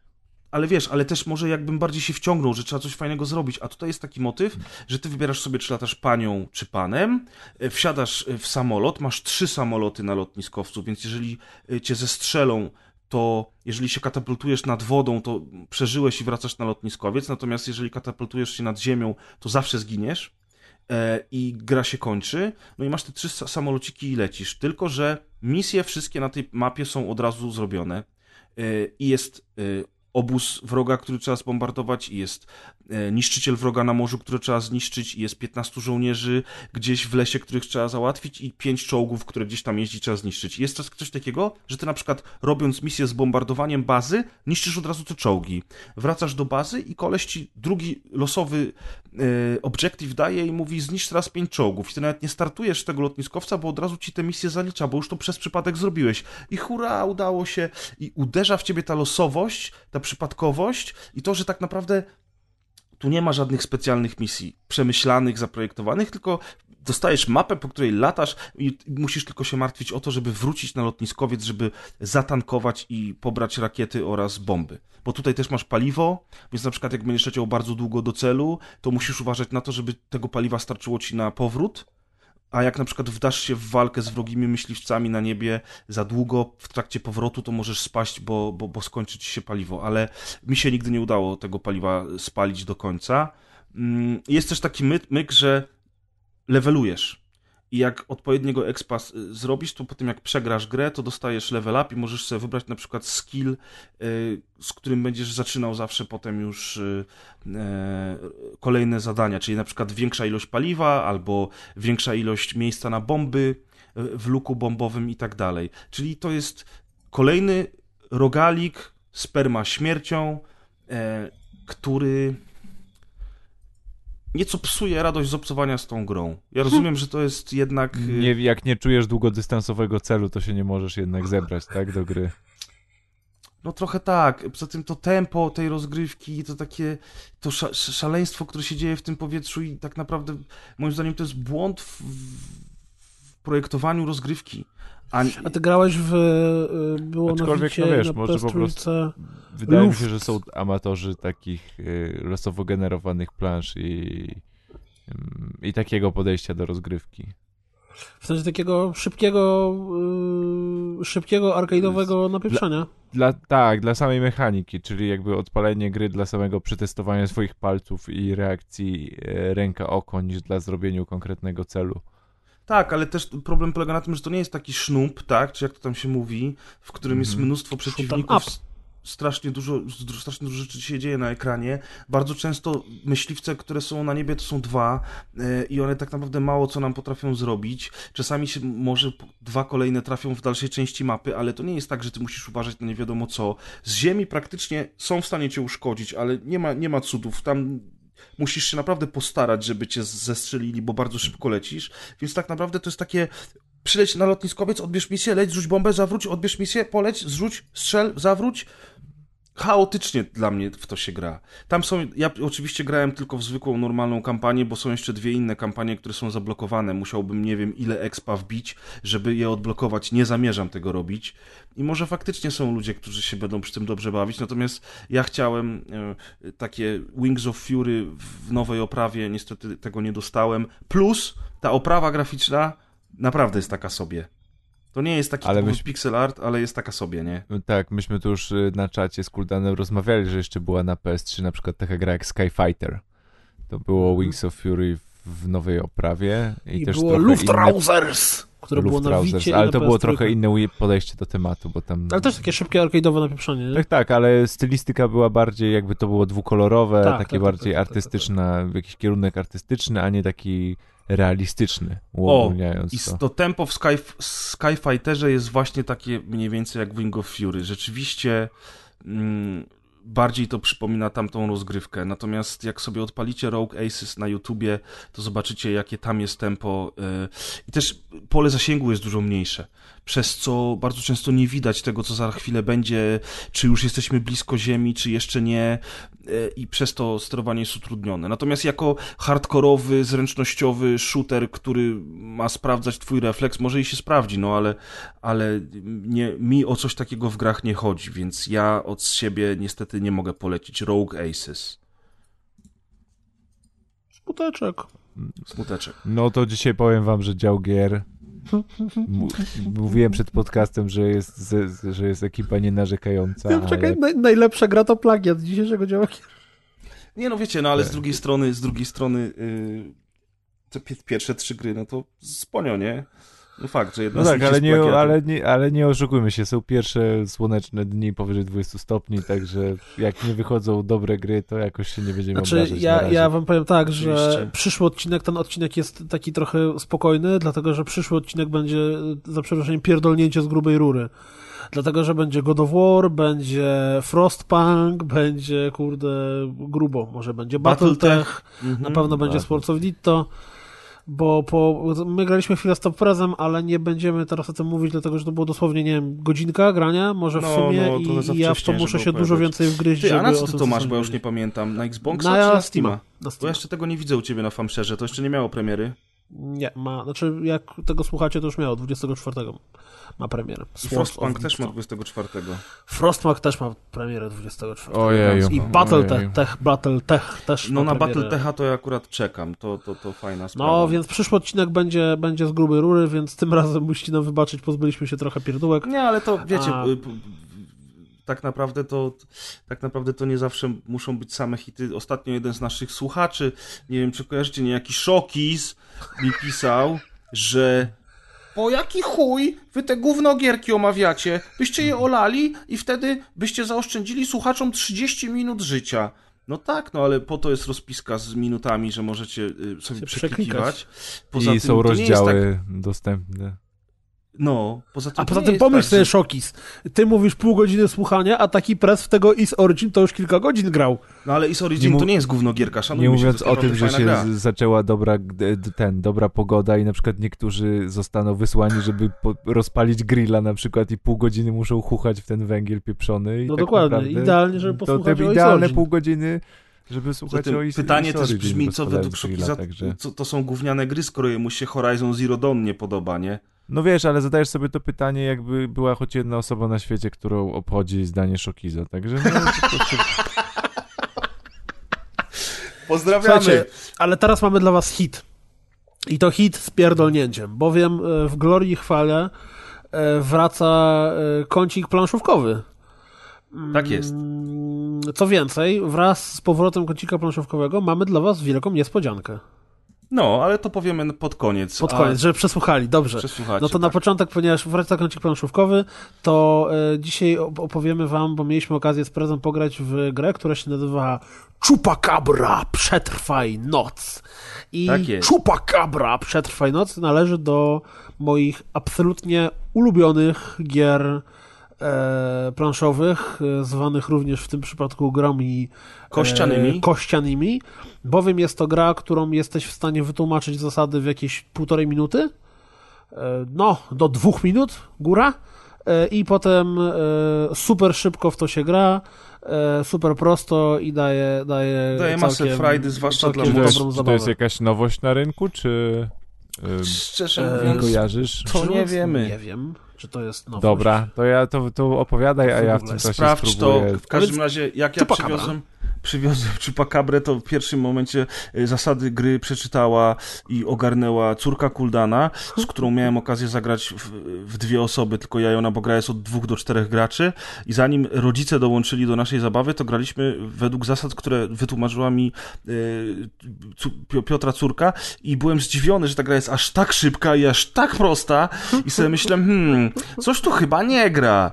Następnie wrócił z pracy Piotr, który przeczytał instrukcję jeszcze raz i okazało się, że jednak y, troszeczkę y, córa zasady pozmieniała i zagraliśmy wreszcie według oryginalnych zasad. To może Piotrze dwa słowa na temat tego, jak w to się gra? Tak, a więc gra składa się z e, 6 razy 4 24 kości. Każdy z graczy dostaje 6 sztuk, czyli jeżeli gramy w 4 osoby, to wtedy wszystkie kości zostają rozdane, jeżeli gramy w dwie osoby, to tylko 12 z nich zostaje rozdane. No i na każdej kości mamy symbole. Symbole, i może być to symbol Chupacabry, e, Chupacabra loco, może to być symbol kury, może to być symbol dwóch kur, może to być symbol Wołu? kozy, albo A. może to być symbol wołu. No i myk polega na tym, że każdy gracz bierze wszystkie twoje kości, które ma w łapie, miesza nimi, miesza, miesza, miesza, po czym rzuca je na stół. I wszystko, co mu wypadło, łączy w stada. Czyli jeżeli wypadną nam dwie kury, to łączymy te kury obok siebie. Jeżeli wypadną nam trzy kozły, czy tam kozy, to bierzemy te trzy kozy obok siebie. Jeżeli wypadnie nam wół albo dwa woły, to łączymy je obok siebie. A jeżeli wypadnie nam czupakabra, to możemy pójść na polowanie. No i polowanie polega na tym, że każda z zwierzaków, które wypadło nam, ma swoją wartość, e, nazwijmy to punktową. Czyli kura to jest pół punktu, y, koza to jest jeden punkt, a wół to są dwa punkty. W wielkim uproszczeniu. Każda czupakabra może zjeść jeden punkt. Czyli jeżeli mamy stado, które się składa z trzech kuz, to wtedy potrzebujemy trzy czupakabry, żeby takie stado zjeść. Jeżeli mamy stado, które składa się z dwóch kur, to wystarczy nam jedna czupakabra, żeby można było takie stado zjeść. Jeżeli mamy stado, stado, które się składa z jednego wołu, to potrzebujemy dwóch czupakabr, żeby takiego woła zjeść. Po kolei każdy z graczy, który wylosował czupakabry, e, wysyła swoje e, szalone małe potwory na polowanie, pożeramy co było do pożarcia e, i gramy dalej. To znaczy znowu mieszamy kośćmi i znowu je rzucamy. A przez to, że po pierwszym polowaniu nagle się okazuje, że ktoś miał pecha i wylosował tylko jedną czupakabrę, a natomiast tak mu się rozłożyło, że jego współgrający pożarli mu co tylko wylosował. A idźcie jest, w cholerę, to byłem ja cały gra czas. Gra jest super szybka dlatego że jest totalnie na maksa losowa, bo, bo losowość, bo, bo to kto komu jak pójdzie zależy tylko i wyłącznie od szczęścia i tylko wyłącznie od tego, jak się te, te kości No chyba, że jesteś córką Kuldana i czasami oszukujesz. No tak, to też prawda.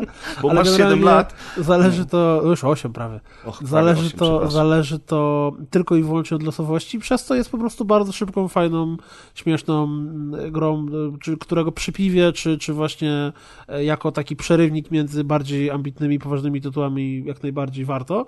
Jeszcze też tam jest taki myk z zasadami, że jeżeli jest szansa zawsze, żeby się odegrać, to znaczy, jeżeli załóżmy, a w ogóle to też jest zabawne, bo jak się gra w cztery osoby, już jeden gracz y, wysunie się daleko na prowadzenie, to on ma w łapie na przykład 20 kości. Więc tak turlanie, wiecie, mieszanie w ręku tymi kośćmi, potem rzucanie na stół, takie uff, Na szczęście jest to pudełko od gry, które jest taką tubą i tak, można te kości tam wrzucić i wy, wyrzucić je wyrzucić. przez pudełko.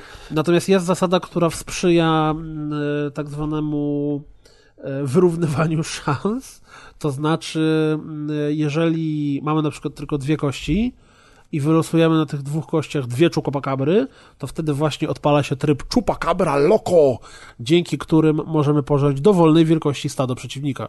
Czyli załóżmy, że w sytuacji, w której już wydawało nam się, że przegramy, bo zostały nam tylko dwie kości, wylosowaliśmy dwie czupakabry, a tu przeciwnik wylosował stado, które składa się na przykład z 15 kur, to możemy mu te całe 15 kur hapsnąć niczym jokerem. Więc mówię, tak gra jest. jest. Aha, jeszcze to, o czym nie powiedzieliśmy, to to, że gra. Te kości mają nadruki z. Yy, te naklejki są. Yy, znaczy, to nie są naklejki. Znaczy tak nie naklejki, tylko te, te tak takie wyżłobienia, tak. Są yy, lumines. Co, jak to się mówi?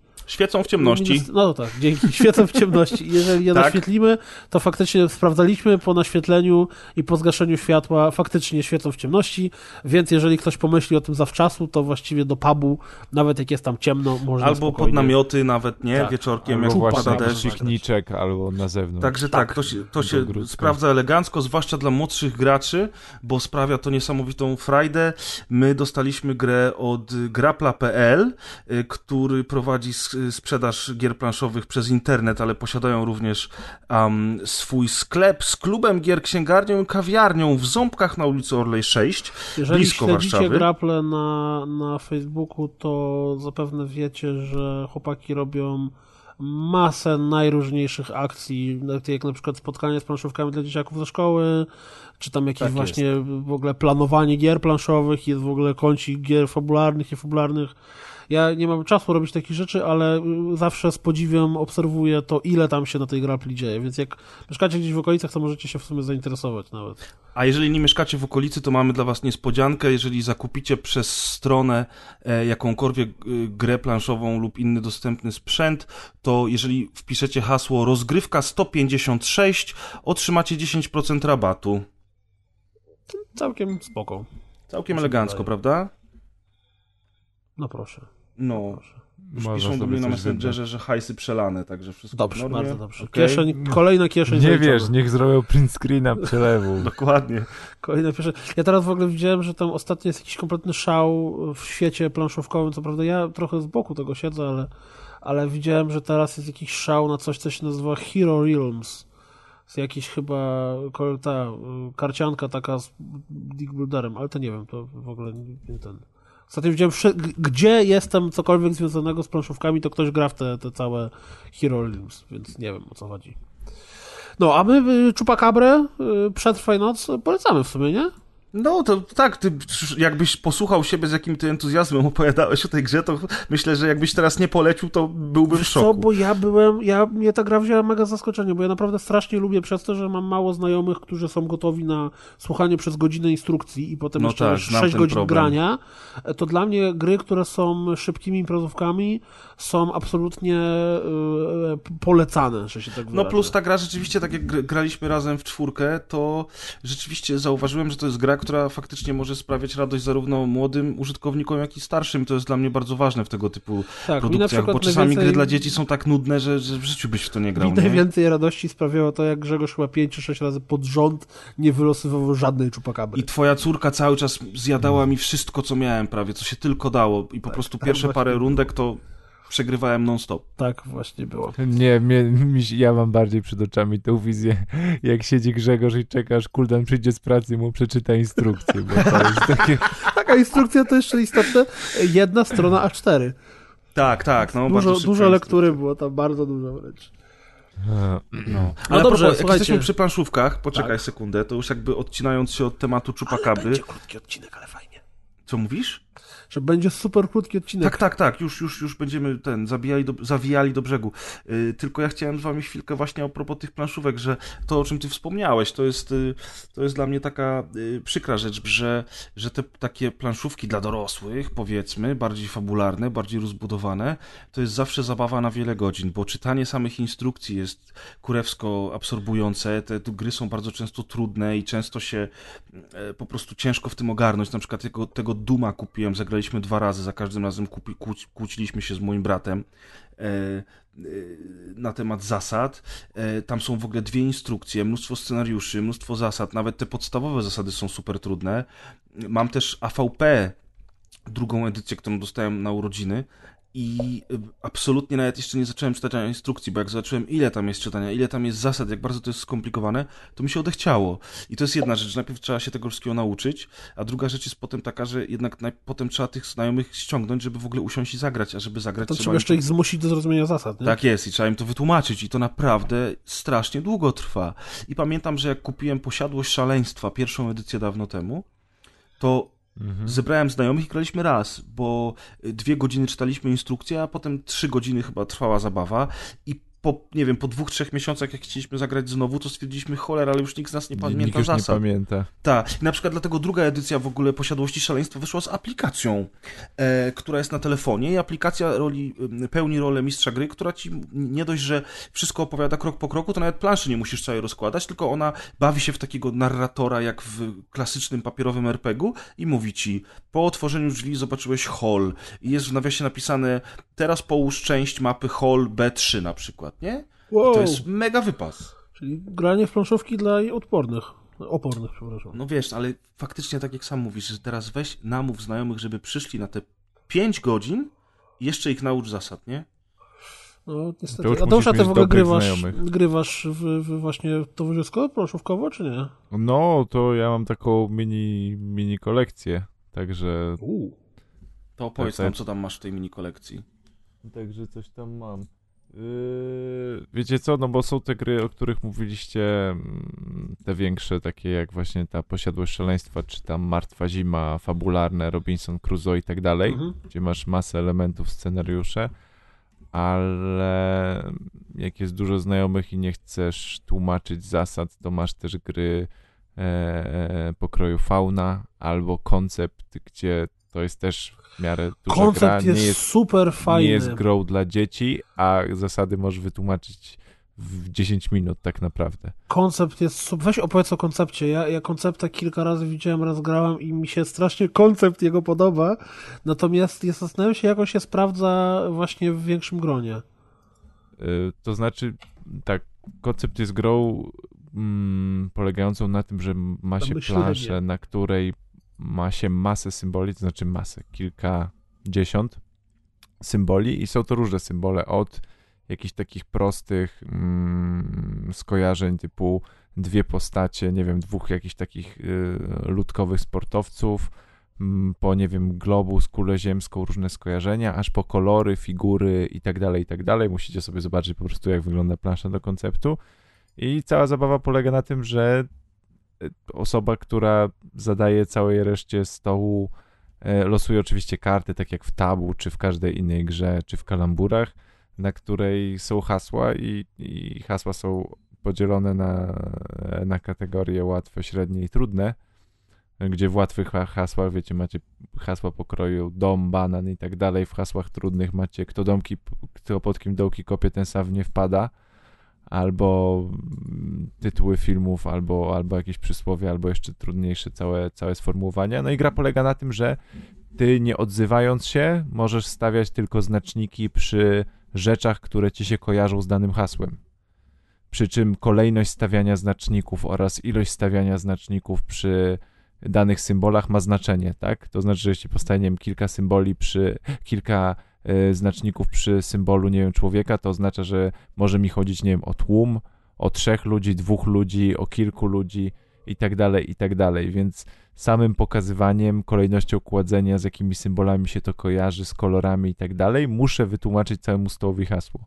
I wbrew pozorom wydaje się to trudne, ale w trakcie grania bardzo często zaskakującym faktem jest to, jak ktoś szybko potrafi odgadnąć dany wyraz, czy też dane skojarzenie.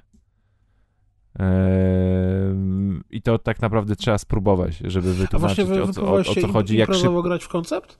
Tak, tak, tak. I jakby nie ma, nie ma, nie ma, nie ma problemu z tymi łatwymi, nawet ze średnimi hasłami. Oczywiście czasami można trafić na jakieś zacięcie się, tak jak nie wiem, w timezapie i tak dalej, tym zapie, w tabu, gdzie, gdzie, gdzie po prostu jakieś hasło konkretnie nie podejdzie, ale wbrew pozorom, jak sobie zobaczysz tą planszę i sobie pomyślisz, że masz dowolne hasło wytłumaczyć za pomocą ograniczonej ilości, ograniczonej liczby symboli, to jest, to, to, to jest, wydaje ci się absurdalne, a potem jednak jak stajesz mm, przed zadaniem wytłumaczenia tego za pomocą tych symboli, to nagle wpada ci jakiś fajny pomysł i, i okazuje się, że, że ktoś przy stole podąża twoim tokiem myślenia, to jest też taka gra, która nawet w instrukcji jest napisane, że tam punktacja, to można przymknąć oko i że to bardziej chodzi po prostu o, o dobrą zabawę niż o wyłonienie zwycięzcy. Więc, yy, więc to jest bardzo ład, fa, fajna gra. Też można szybko wytłumaczyć, można grać w masę osób tak naprawdę, no bo, no bo to jest tak jak w przypadku kalamburów, yy, czy też właśnie tabu, że, że, że ta liczba osób może być bardzo duża i, i wszyscy mogą brać czynnie udział w tej rozgrywce. Na tyle dużo, żeby widzieli planszę, do której stawiasz znaczniki, nie? Nie, no tak, ale te symbole są naprawdę proste. To nie to jest tak, że to nie, nie trzeba się, nie wiem, nachylać nad planszą z lupą i, i, i, i przestudiowywać całej planszy. Dodatkowo w opakowaniu są jakby mini wersje takie, wydrukowane po prostu na, na takim formacie jak dwie kartki z zeszytu, gdzie możesz na przykład, nie wiem, rozdać na lewą i prawą część stołu po prostu taką ściągawkę i na ściągawce jest też jak ktoś jakby pierwszy raz gra i, i nie kuma, że e, jakby skojarzenia z danymi symbolami nie muszą być dosłowne, tylko mm, Czyli, że na przykład trupia czaszka to może tak, być trucizna, śmierć, tak, jak i na przykład, trucizna, śmierć, ale może być też, nie wiem, część ciała, tak? Dokładnie. To jest jakby dalekie skojarzenie, więc po prostu na tych ściągawkach do każdego symbolu są 3-4 takie skojarzenia bardziej ścisłe i luźniejsze, żeby też ktoś na przykład załapał e, o co chodzi w, koncepcie konceptu. Dokładnie tak jest. Tak, koncept jest bardzo fajna gra. W ogóle, ja, oczywiście to jest y, y, mało odkrywcze stwierdzenie, ale planszówki przeżywają, czy już raczej to już nawet nie jest to, że przeżywają renesans, co już mają, nie wiem, kurde, oświecenie albo cokolwiek innego, że planszówki są wszędzie i w glorii i chwale wróciły do, do, do bycia popularnymi. No, ja na pamiętam, maksa. że jakieś, kurde, nie wiem, 15 lat temu to wcale tak nie było. I do publicznych miejsc też, że tak powiem. Tak, tak. I są wszystkie jakieś imprezy i, i granie w, w planszówki stało się czymś takim normalnym, popularnym. I nawet wiem, że są organizowane jakieś kluby planszówkowe właśnie, gdzie ludzie, y, które zrzeszają tych, którzy grają w te bardziej hardkorowe tytuły, że mogli grać sami ze sobą. Wiadomo, że znajomi nikogo nie znają. Nieźle, ale fajne są te, fajne są te takie, na przykład we Wrzeszczu jest taki klub, który co środę organizuje różne eventy i tam mają wiele stołów, przy każdym stole grają w inną planszówkę i tłumaczą zasady i na przykład to jest super rozwiązanie, żeby nawet pójść, zagrać w coś i potem to kupić, jak już oni ci nauczą zasad, mega, zresztą Grapla chyba też tak robi, więc y, to też jest dobre, Chyba że... tak. To też jest dobre, że można tam pójść, zobaczyć, zagrać, spra sprawdzić, czy w ogóle nam się to podoba, nie? Żeby nie brać tego w ciemno. E, I, I to jest mega. I fajnie, że to wraca rzeczywiście, ale faktycznie te duże gry to jest tyle czasu trzeba Wy w końcu w poświęcić tego nie. Duma ogarnęliście, czy nie? No co, ty u Szoki zależy od dwóch miesięcy, a Szokis nie chce, nie chce się uczyć y, instrukcji, no. Dupek jeden.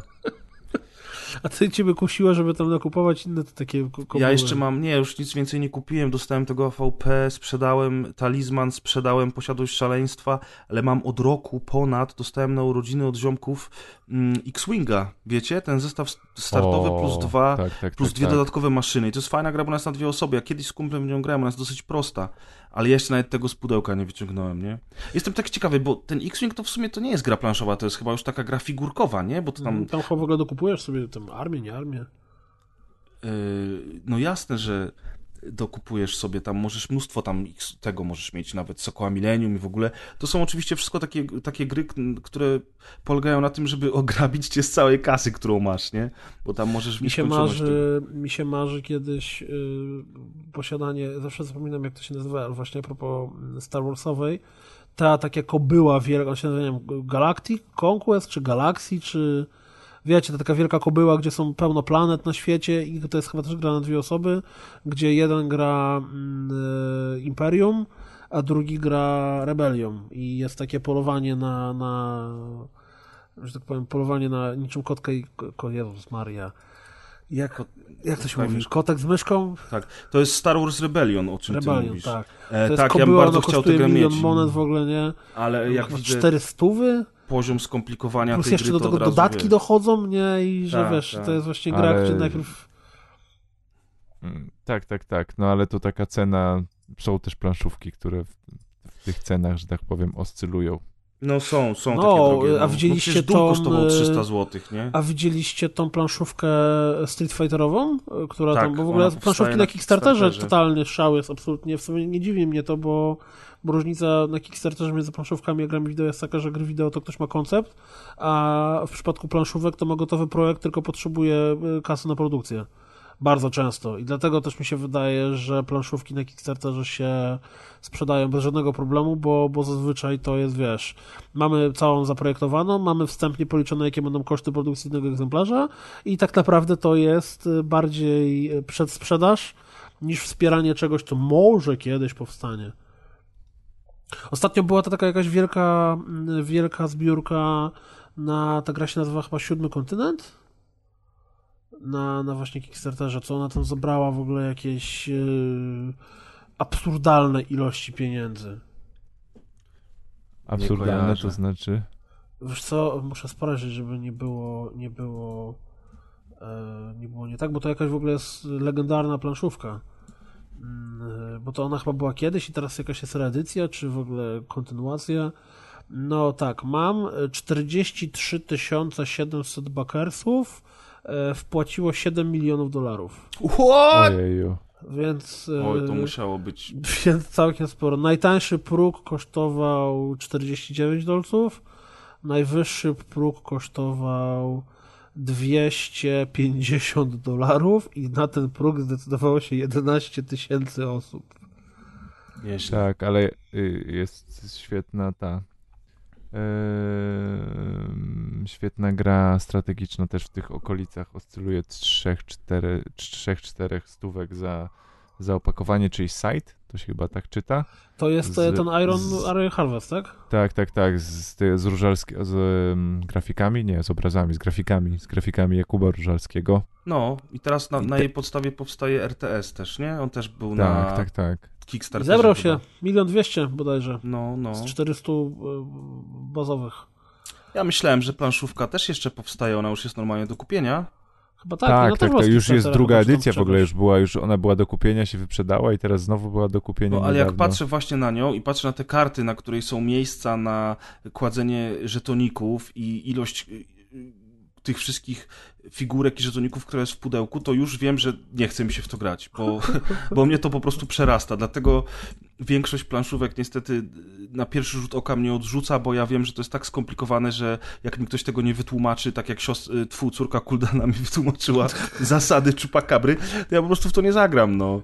Y, łatwiej jest z grami kooperacyjnymi, bo wystarczy, że jedna osoba dobrze zna zasady, a Tak. reszta po prostu uczestniczy tak też jakby na zasadzie podejmowania wyborów i wiesz- tłumaczenia mechanik ad hoc. Absolutnie najlepiej, jeżeli masz jakiegoś znajomego, który jest mocno wkręcony w planszówki.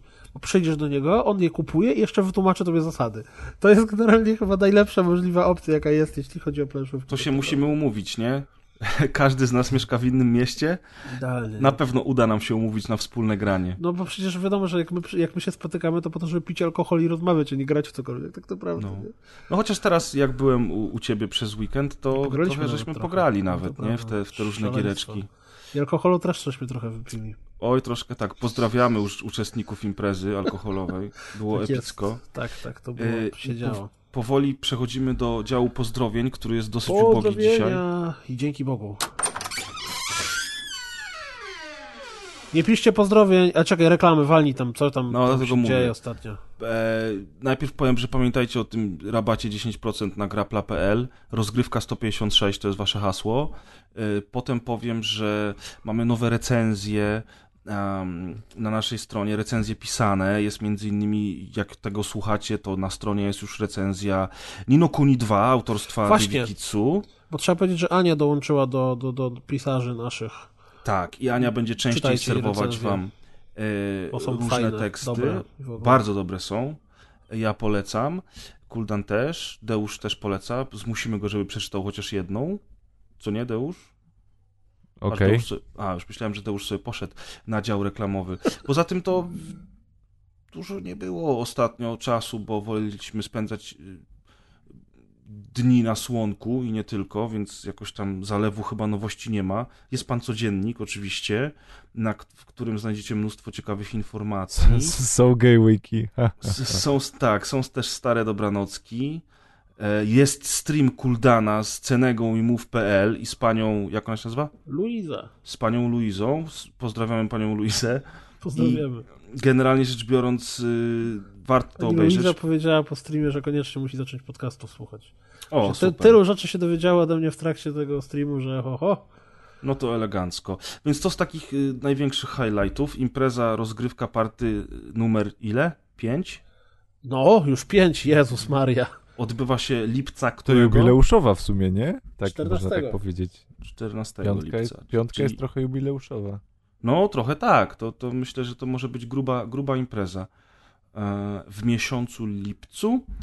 I teraz przechodzimy już do działu pozdrowień. Dobrze, Blaze Onishiaku powiedział pozdrowienia dla sąsiada Deusza. Aż w Irlandii nie było czuć tego bucha, wink wink.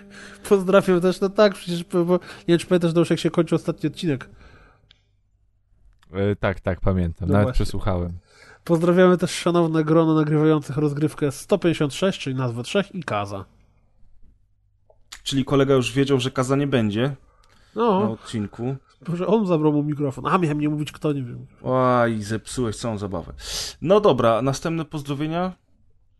Szur, szur. To w ogóle, w ogóle to jest fajne, bo było bardzo dużo komentarzy odnośnie samego wtedy podcastu. To, I a to niektóre z nich było bardzo długie, ale... e, Ale tu widzę, że Marcin Men 11 napisał bardzo Tak. długie Tak, pozdrowienia. Myślę, że trzeba Marcin- sprawdzić, czy Marcin znowu wkleił pastę, bo ostatnio nie, ostatnio było normalne, tak? Nie, nie, nie, to nie była pasta. Marcin O, chyba nadrobił ostatnio. pozdrowienia za wszystkich innych.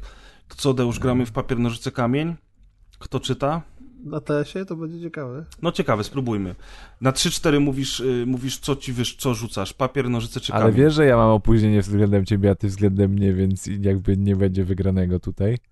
No, Ja rozstrzygnę, no 3-4, daj, dajcie, dajcie. Ale Na nie, wygranko niech i Kuldan przegranko weźmie, gramy. Nie, nie, niech Kuldan weźmie teraz coś do ręki i ty powiesz jedną rękę, ja drugą i która ręce Kuldan coś będzie miał, to wtedy ten, ta osoba czyta Aha, ja mam coś wybrać, a wy powiecie co to. Okej, dobra, mam wybrane. Ufasz mu na tyle, że on będzie Dobra, ja biorę- nie oszuka nas? Ja biorę, ja, ja biorę szybko lewą rękę, zamawiam jako lewactwo. Ale jak to lewa? Tutaj podcastowo. Ale co, Aha, mamy nie, zgadnąć, bo ja co on miałem- ma w ręce? Ja miałem pokazane Nie, coś w ręku i... W której, nie, w której ręce ma coś schowane? Kuldan Aha, teraz coś spra- okej, No nie dobrze, nie Deusz powiedział, że w lewej, no to mi pozostaje prawa. E, I teraz jaka jest zasada? Kto trafił w rękę, czy kto nie trafił w rękę? Kto, nie, nie kto, trafił? kto trafił w rękę? Ten nie czyta. Nie, ten nie czyta. No. No to Grzegorz nie czyta. O nie. Dobra. Głupia zabawa, w ogóle kto wymyśla takie pierdoły po prostu. Stare chłopy. Marcin Men 11. Pozdrawiam osoby, którym nie chce się czytać te pozdrowienia. Dziękuję to za pozdrowienia. Pomimo tego, iż nie słucham podcastów z Miedźwina 3, to pomimo obaw o gwałt douszny, o tym jaki on jest, to można powiedzieć, że nie było tak źle. Tu teraz ja tylko nadmienię, że mm, jakby ja w miarę umiem czytać, natomiast jakby jeśli tekst jest pozbawiony interpunkcji, to jest bardzo ciężkie. A jeśli jest jest pozbawiony prawidłowej składni, to już w ogóle. Czytania. A w ty... I czytam teraz dalej. Jak wcześniej wspomnieliście, tak mam 11 lat i ostatnio 8 lutego była moja siódma rocznica 11 urodzin. A w tym właśnie momencie, kiedy to piszę, mam nabite 380 godzin bez fast travela wraz z 234 levelem, który został nabity na tarczy, bo chciałem iść w, we wszystkie drzewka, żeby wszystko wypróbować i się nie ograniczać. Wiadomo, czasem na woja, czasem na maga lub na złodzieja, zależnie od sytuacji. A co do mego bogactwa, to w Dzelce doszło budowanie domu prawie jak w Simsach i w piwnicy są sejfy, w których postano- postanowiłem co 10-20 tysięcy sztuk złota uzbieranych we wszelaki sposób zamierzam tam zmagazynować, bo ustaliłem sobie taki cel. Po, powiem wam, że się po co od tej składni. Teraz mam A 246... i tak poprawiasz względem tego, co jest napisane, bo ja śledzę uważnie. Teraz mam 246 tysięcy złota, 307 sztabek złota, 54 sztab...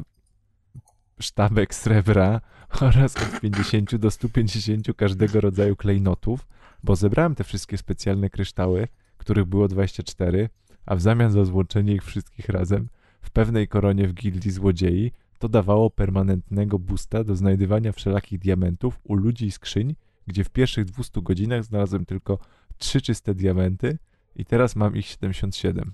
To zdanie miało około 80 wyrazów i ani jednego przecinka. A, i ważna rzecz, dla zainteresowanych. Czar zmiany żelaza w złoto jest w, w magii alternatywnej i teraz mam 47 poziom, używając tylko tego jednego czaru.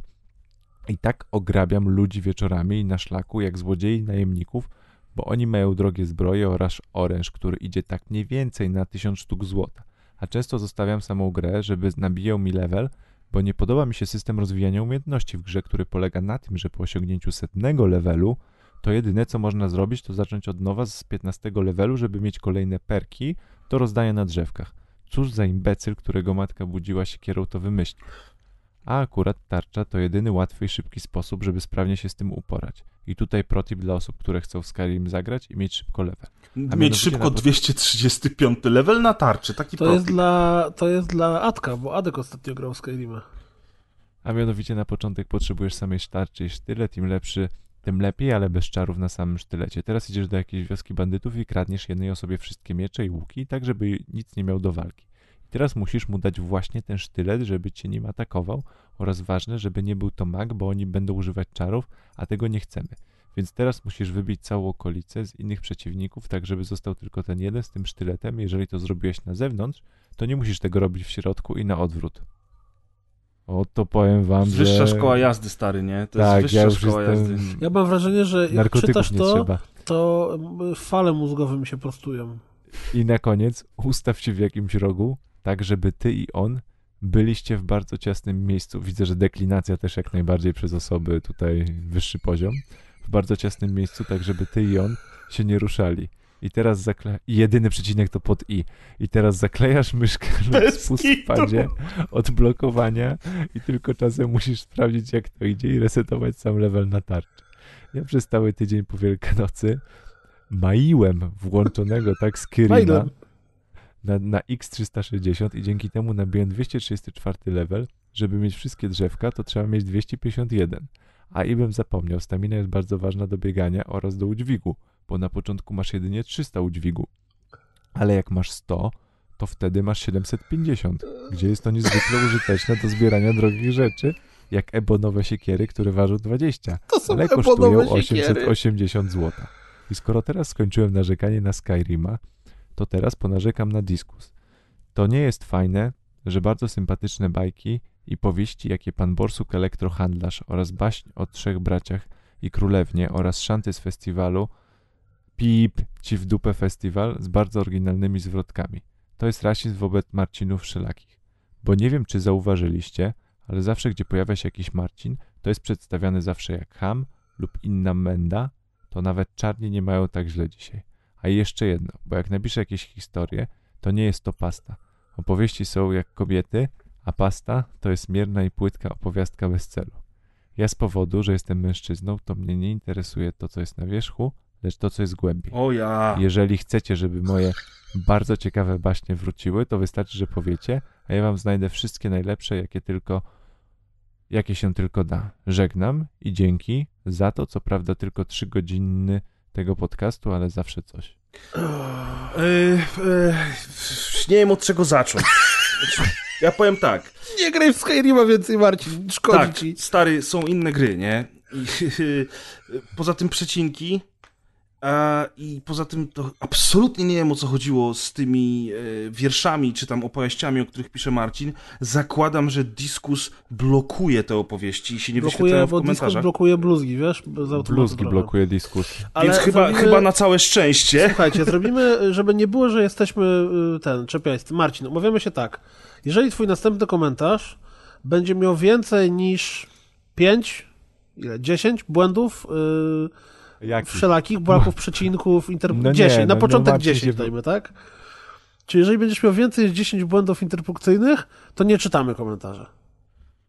Tak jest. Okej, umawiamy się tak. Taka jest umowa. Jak będzie, Tak, będzie tak, miał tak. mniej niż 10, to go czytamy. Ale jak będzie miał więcej niż 10 y, interpunkcyjnych, y, deklinacyjnych i tak dalej, to nie czytamy, więc musisz się Rozgrywka postarać. uczy i bawi. Tak jest, dokładnie tak. Pamiętaj, że przed chwilą twoje pozdrowienia czytał pan doktor. To trzeba się postarać następnym razem. E, ostatnie pozdrowienia, czyli w sumie trzecie dzisiaj, Idealnie. e, napisał e, nam isak.pl, który pisze Mam nadzieję, że tym razem będzie bez błędów ortograficznych. Tak naprawdę to napisał orgograficznych. To specjalnie tak zrobił. I interpunkcyjnych. Przecinek także. Pozdrawiam całą redakcję. I tutaj przecinek specjalnie Przecinek był w innym być. miejscu. Bardzo ciekawy komentarz, zwłaszcza po tym, który przed chwilą czytał Deusz. Także pozdrawiam całą redakcję, oprócz tych, co się czepiają błędów orgograficznych. No i szczególne pozdrowienia Dobre. do osób poznanych na Discordzie, z którymi grywam w Splatuna i Mario Karta. I tak szachmat jest nas więcej niż trzech posiadaczy Switcha w OLE w Polsce. Co ciekawe, opłacam Golda, a gram online głównie na Switchu. Pozdrawiam również posiadaczy Xboxa. A ja korzystając z tej okazji chciałbym bardzo serdecznie pozdrowić naszego słuchacza Dłana, e, który e, kiedy usłyszał, że Izak.pl obiecał Atkowi Bimbr, ja napomknąłem jednym zdaniem, że ja też chcę Bimbr, to przysłał mi Bimbr z samej Kalifornii. Naprawdę radość w mym sercu i zaskoczenie było ogromne i z tego miejsca bardzo, bardzo dziękuję Dłanowi. No Właśnie, ty mnie nie poczęstowałeś w końcu tym bimbrem, jak u ciebie byłem. Będę marnował na ciebie Bimbr. O ty, o ty, taki z ciebie gospodarz. Okej, zapamiętam to. Nie, jakoś w końcu zostaliśmy przy browarach i kurczę, Bimber, Bimber czeka na ten, na dobre czasy. Natomiast słuchajcie, skończyliśmy podcast, ale e, ja Ten mam taki odcinek, czy definitywnie Ten kończymy odcinek, z podcastem? tak. Nie, ten odcinek, ale ja mam Okej. taki jeden pomysł. E, więc e, Dałusz, ty grałeś w A Way Out, prawda? Tak? I skończyłeś. Yy, jeszcze nie.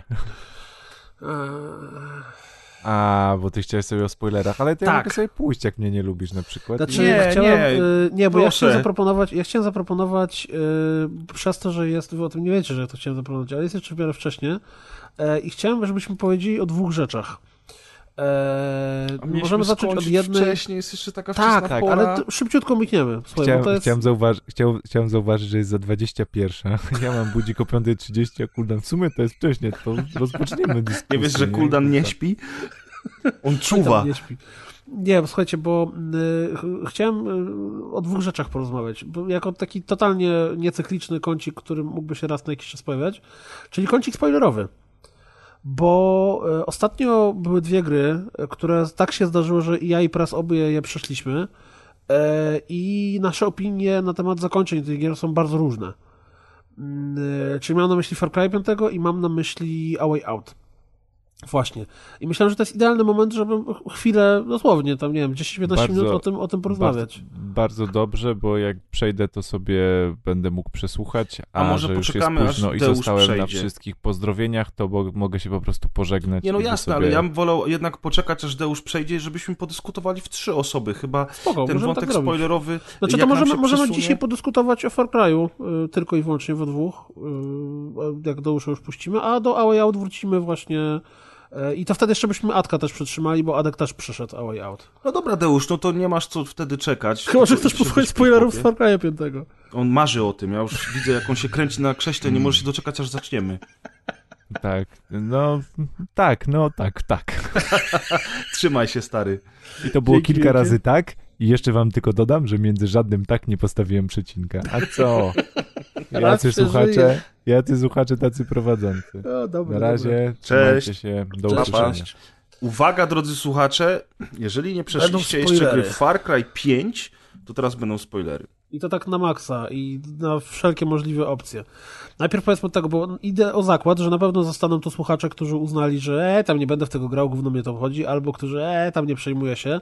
Więc najpierw szybkie słowo wytłumaczenie na temat tego, co się dzieje na zakończeniu. E, W momencie, w którym pokonujemy cały kult, to znaczy zabijamy wszystkich e, dowódców, czy tam jakich zwał, takich zwał, tego tam pomagierów Johna Sida, czy tam Josefa, bo ich i tak nie rozumiem. Josefa? Josefa, to na końcu dochodzi do Ultimate Showdown, jedziemy sobie do Josefa, a Joseph tam robi psikusa, bo nagle okazuje się, że mimo, że my właśnie poświęciliśmy 15 godzin na uratowanie wszystkich ludzi na całym tym Hope County, to nagle Joseph, pstrykając palcami, wszystkich znowu pojmał. No i Joseph mówi, e, ty tam taki śmaki owaki, żeś mi przeszkadzasz tyle, ale ja jestem dobry, więc daję ci możliwości. Albo możesz wsiąść w samochód i pojechać stąd w cholerę i nigdy więcej się nie zobaczymy, albo możesz się dalej mi opierać. No i to jest jedyny moment, w którym w trakcie całej gry, kiedy podejmujemy decyzję na temat tego, czy chcemy właśnie zrobić tak czy inaczej. No i jeżeli podejmiemy decyzję, że wsiadamy do samochodu, to wszyscy nasi ziomale, których ratowaliśmy, zostają otumanieni alkoholem czy tam dragami dalej u Josefa, a ci, z którymi przyjechaliśmy, czyli policjanci, którzy przeżyli, wsiadają z nami do samochodu, Jedziemy sobie samochodem, dziewczyna komentuje to, że co to kurwa ma być, czy ty cię pojebało cię w ogóle, jak to, przecież nie możemy tak robić. Na co nasz szef e, odpowiada, że spokojnie, wyjedziemy, wrócimy z Gwardią Narodową, będzie zajebiście. I w tym momencie włącza radio, no bo oczywiście czemu nie? I nagle w radiu leci piosenka, która oznacza e, włączenie nam e, triggeru do zabijania. Jak Tak, bo ciemnieje, fade to jeden black. z tych generałów, czyli John, y, y, taką technikę stosował y, halucynacji czy tam hipnozy, y, która powodowała u jego ofiar, że y, po usłyszeniu tej piosenki po prostu zaczynali robić to, czego on od nich oczekiwał. No Tak. tak jakby w, w tym zakończeniu okazuje się, się... włączał trochę. Tak, w tym, w, tym, w tym wydarzeniu się okazuje, że rzeczywiście ta metoda zadziałała naszego, na naszego bohatera, mimo tego, że wydawało nam się, że udało nam się jakby spod jarzma tego uciec. No i tak naprawdę to nie wiadomo o chuj chodzi. Znaczy, no sugestia jest taka, że, że został odpalony Only You, ekran Fade to Black robi, czyli najprawdopodobniej zamordowaliśmy swoich naszych przyjaciół i wcale to nie jest dobry ending. A drugi ending polega na tym, że przez to, że y, y, sympatyczny pan Joseph y, denerwuje się na nas, to zaczyna się z nim walka. Cała mechanika walki polega na tym, że po kolei zabijamy swoich towarzyszy po to, żeby ich podnieść i wtedy walczą po naszej stronie i w ten oto sposób musimy pokonać wszystkich i ożywić wszystkich po kolei. E, Więc ten pojedynek jest nawet spoko. E, Tak, ten, I kiedy... ten pojedynek jest nawet spoko, gdyby nie to, że ci bohaterowie nie wiedzą, jak się zachowywać i y, nie podnoszą nas, albo tak strzelają trochę bez ładu i składu. Tak, to, to, to my musimy strzelać, siebie. tak jak Mhm. przez całą grę oni sensownie nam pomagali, to tutaj ewidentnie to my musimy strzelać. No i mm, kiedy mm, w końcu uda nam się y, odratować wszystkich naszych bohaterów, to w końcu sympatycznego pana mm, y, pokonujemy, już go mamy aresztować, kiedy to pan Joseph mówi, a zobaczysz, że miałem rację. I w tym momencie na horyzoncie eksploduje bomba nuklearna. Tak, i... I- wtedy jest takie wielkie what the fuck, skąd i dlaczego. Tak. I wtedy my uciekamy do samochodu, jedziemy do schronu. W międzyczasie eksploduje bardzo dużo bomb nuklearnych, wszędzie chyba z 4 czy z 5. A kiedy docieramy w końcu do schronu, mając wypadek, to okazuje się, że mieliśmy wypadek, wszyscy zginęli i zostajemy my sami przywiązani do krzesła. A pan Joseph mówi, że razem z nami założy swoją nową religię. Tak, I bo mamy jesteśmy w bunkrze, nie? Na samym dole i, i to o to chodzi, że on tam nas do tego bunkra chyba ściągnął i dzięki temu przeżyliśmy, no i pan Józef właśnie trzyma nas uwięzionych i to jest jedyny moment w tej grze, kiedy ja poczułem ciary na plecach, bo to jego ostatnie przemówienie, kiedy on siedzi tak blisko nas z tym swoim creepy. Obłędnym wzrokiem i totalnie creepy, a my jesteśmy przywiązani do, do krzesła i on mówi z takim stoickim spokojem szaleńca, że teraz będziemy razem i założymy nową rodzinę, to w tym momencie wiesz, że masz totalnie przejebane i bliżej temu jest do, do Outlast 2 niż do Far Cry 5, co jest bardzo A w ogóle fajne. wiesz, co jest ciekawostką Dropsa, o czym ja ostatnio myślałem? Że pomyśl sobie, jeżeli grasz dziewczyną, to wtedy to zakończenie, bo wybieramy płać postaci, Tak, gramy. wybieramy płeć postaci. Jeżeli gramy dziewczyną, to tak naprawdę to zakończenie nabiera Jest jeszcze, jeszcze bardziej creepy, bardziej tak. creepy, creepy wymowy de facto.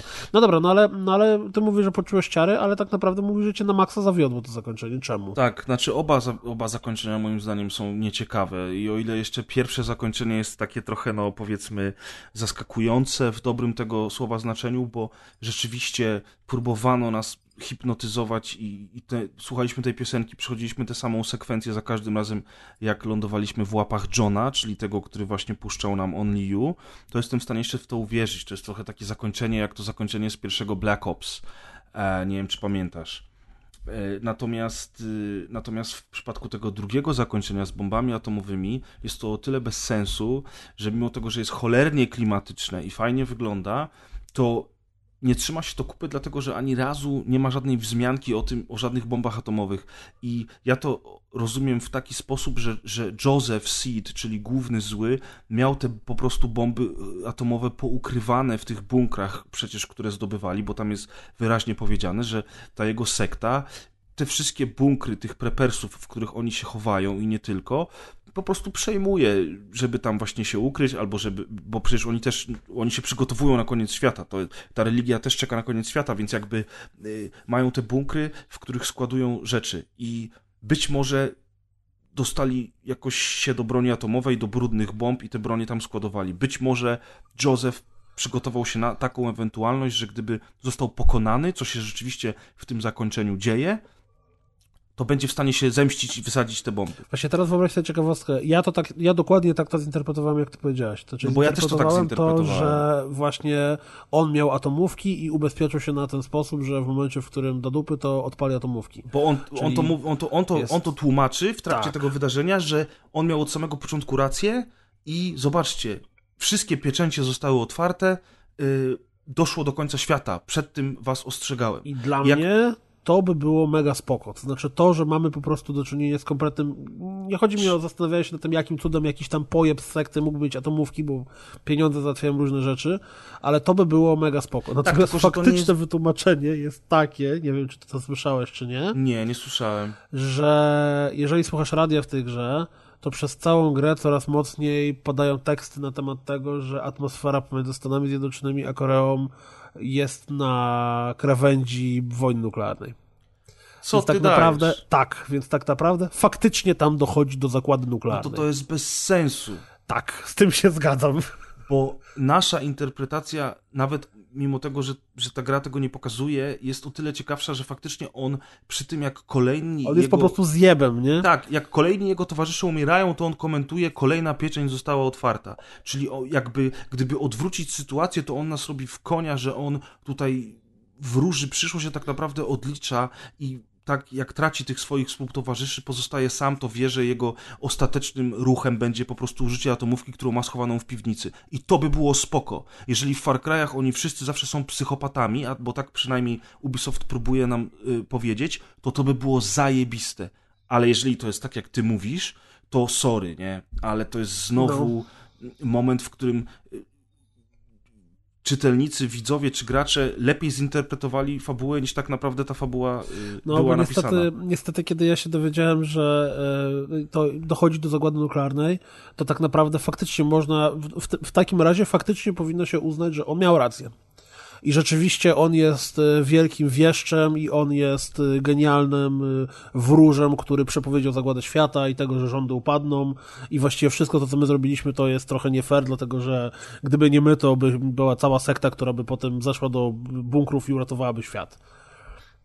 A, no, wiesz. ale to z tym wszystkim, co się dzieje w tej grze i z tym wytłumaczeniem, że tak naprawdę ci sekciarze są otumanieni przez narkotyk i dlatego wierzą we wszystko, w co wierzą, to to zakończenie w ogóle, wiesz, jest, jest wepchnięte na siłę i zupełnie niepotrzebne. No, tak, Natomiast... tak, dokładnie. Niestety, niestety tak. Dlatego ja się, ja, byłem, ja na początku byłem bardzo zadowolony z tego zakończenia, bo dla mnie zakończenie, w którym okazuje się, że ten koleś jest zjebem do granic możliwości, czyli jest kolesiem, który ma w całym stanie poukrywane atomówki, i po prostu rozplanował to, żeby tak czy siak doszło do Armagedonu, wiesz, w tym terenie, że, mm. że wiesz, że on udowodni swoim rację, to znaczy po prostu tak, wysadzi tak. cały stan z powierzchni ziemi. My way or the highway, Dokładnie. Nie? To to mi super pasowało i ten motyw, kiedy on siedzi z tobą w tym bunkrze i nachyla się do ciebie i mówi to, że mimo, że ciebie nienawidzi, mimo, że mi zrobiłeś tak dużo złego, to ty jesteś wybrany i teraz ja będę ciebie, kurwa, ruchał i nie wiadomo, co jeszcze robił i będziesz razem ze mną moją nową religią. To jest maksymalnie fucking creepy ale w momencie, w którym okazuje się, że świat się skończył i faktycznie gość jest wróżem, wieszczem, nie wiem, faktycznie Bóg do niego przemawiał, cokolwiek. Albo wiesz, albo sensu. że to jest, albo nawet jeżeli to jest totalny zbieg okoliczności, to to też jest słabe. To jest po prostu słabe rozwiązanie, no. Że jakby ta, na, jego narracja akurat zupełnie przypadkiem pokryła się z tym, co się działo na świecie i, i wiesz, dosłownie w tym samym momencie, w którym ty mu się stawiasz i go pokonujesz, to nagle Korea zrzuciła atomówki na Stany słabiutkie. No, e, a natomiast ale... z drugiej strony ja chciałem powiedzieć, że mi się motyw, przez to, że mi się bardzo spodobał, naprawdę bardzo mi się spodobał motyw z tą manipulacją głównego bohatera. Ja nie mogłem o tym powiedzieć, jak recenzowaliśmy tę grę, bo to jest mega spoiler, ale e, wiesz czemu totalnie kupiłem, zostałem kupiony przez e, tą e, hipnozę? Tak, bo powtarzałeś tę misję mechanicznie, ucząc tak. się na pamięć rozstawienia I dokładnie gra mnie zrobiła w wała i w momencie, to jest w którym to jest, najlepszy moment tej tak, gry. Jest ostatni, bo to jest to, o czym ja zawsze mówię, wychwalam to pod niebiosa.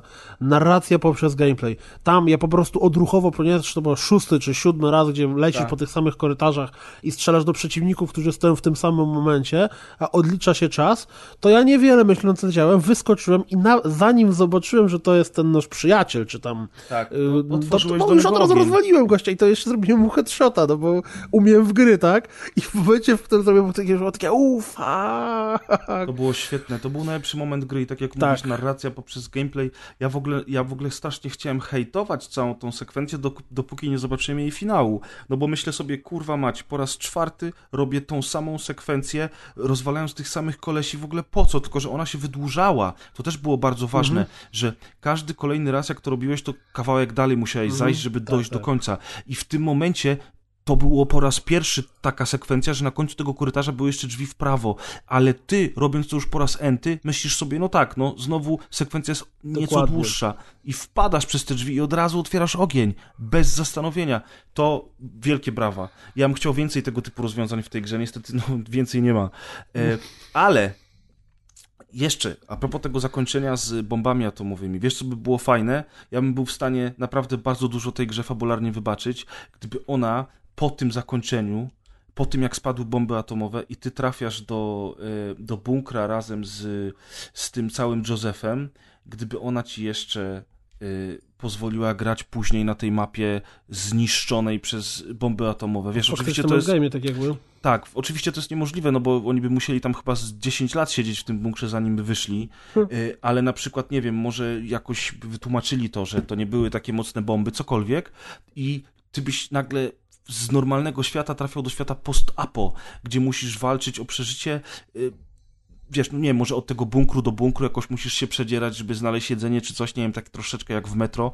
Oczywiście to by bardzo, to by wymagało bardzo dużego nakładu pracy, żeby zrobić tak naprawdę dwie gry w jednym, ale pomyśl, jaki to byłby kosmos, gdyby oni to Mhm. zrobili. Nagle, wiesz, w połowie gry, plem, totalnie zupełnie inny klimat. To w ogóle zupełnie, zupełnie innej baj- beczki, to powiem ci, że samo w sobie wizualnie i gameplayowo ta sekwencja ucieczki przez świat, który, y, że tak powiem, staje się płomiejącym ogniem Armagedonu, Tak. mi się bardzo podobała.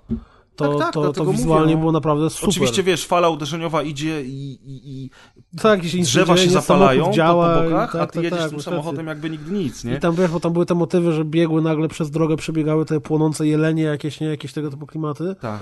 to to było bardzo, bardzo dobre, ale, ale niestety y, prawdziwa interpretacja tego zakończenia okazała się bardzo daleka od, y, Od okej. moich, moich tych. No niestety, trudno. I, e, I tak to właśnie nie zrobisz. No, a ty tak z perspektywy czasu, bo też już trochę czasu minęło, to żałujesz, że skończyłeś tę grę, nie żałujesz? Nie żałuję. Y, Było fajnie mi się robiło, tak jak mówiłem, niektóre rzeczy, chociażby wiesz, oglądanie, przeglądanie tych skrytek prepersów, y, te takie zag- zagadki środowiskowe. Fajnie było parę fajnych sesji, gdzie tam niszczyliśmy bazy wspólnie i tak dalej. Więc na te 17-20 godzin, które poświęciłem tej grze, to nie żałuję. Natomiast patrząc z dystansu, im dalej w las, tym bardziej y, utwierdzam się w przekonaniu, że ta gra jest po prostu bardzo słaba. Bardzo słaba, niedorobiona i y, posiadająca luki tam, gdzie nie powinna ich posiadać. No niestety, no. Ja tak samo jak wtedy, tak samo teraz nadal uważam, że nie wiem czemu ja ją przeszedłem, nie wiem czemu tyle czasu w niej spędziłem, bo naprawdę większość rzeczy w tej grze mi się po prostu nie podoba. Ja powiem ci, że po, po, po właśnie czasem im, im więcej czasu upłynie, tym jeszcze bardziej jesteś w stanie spojrzeć na coś.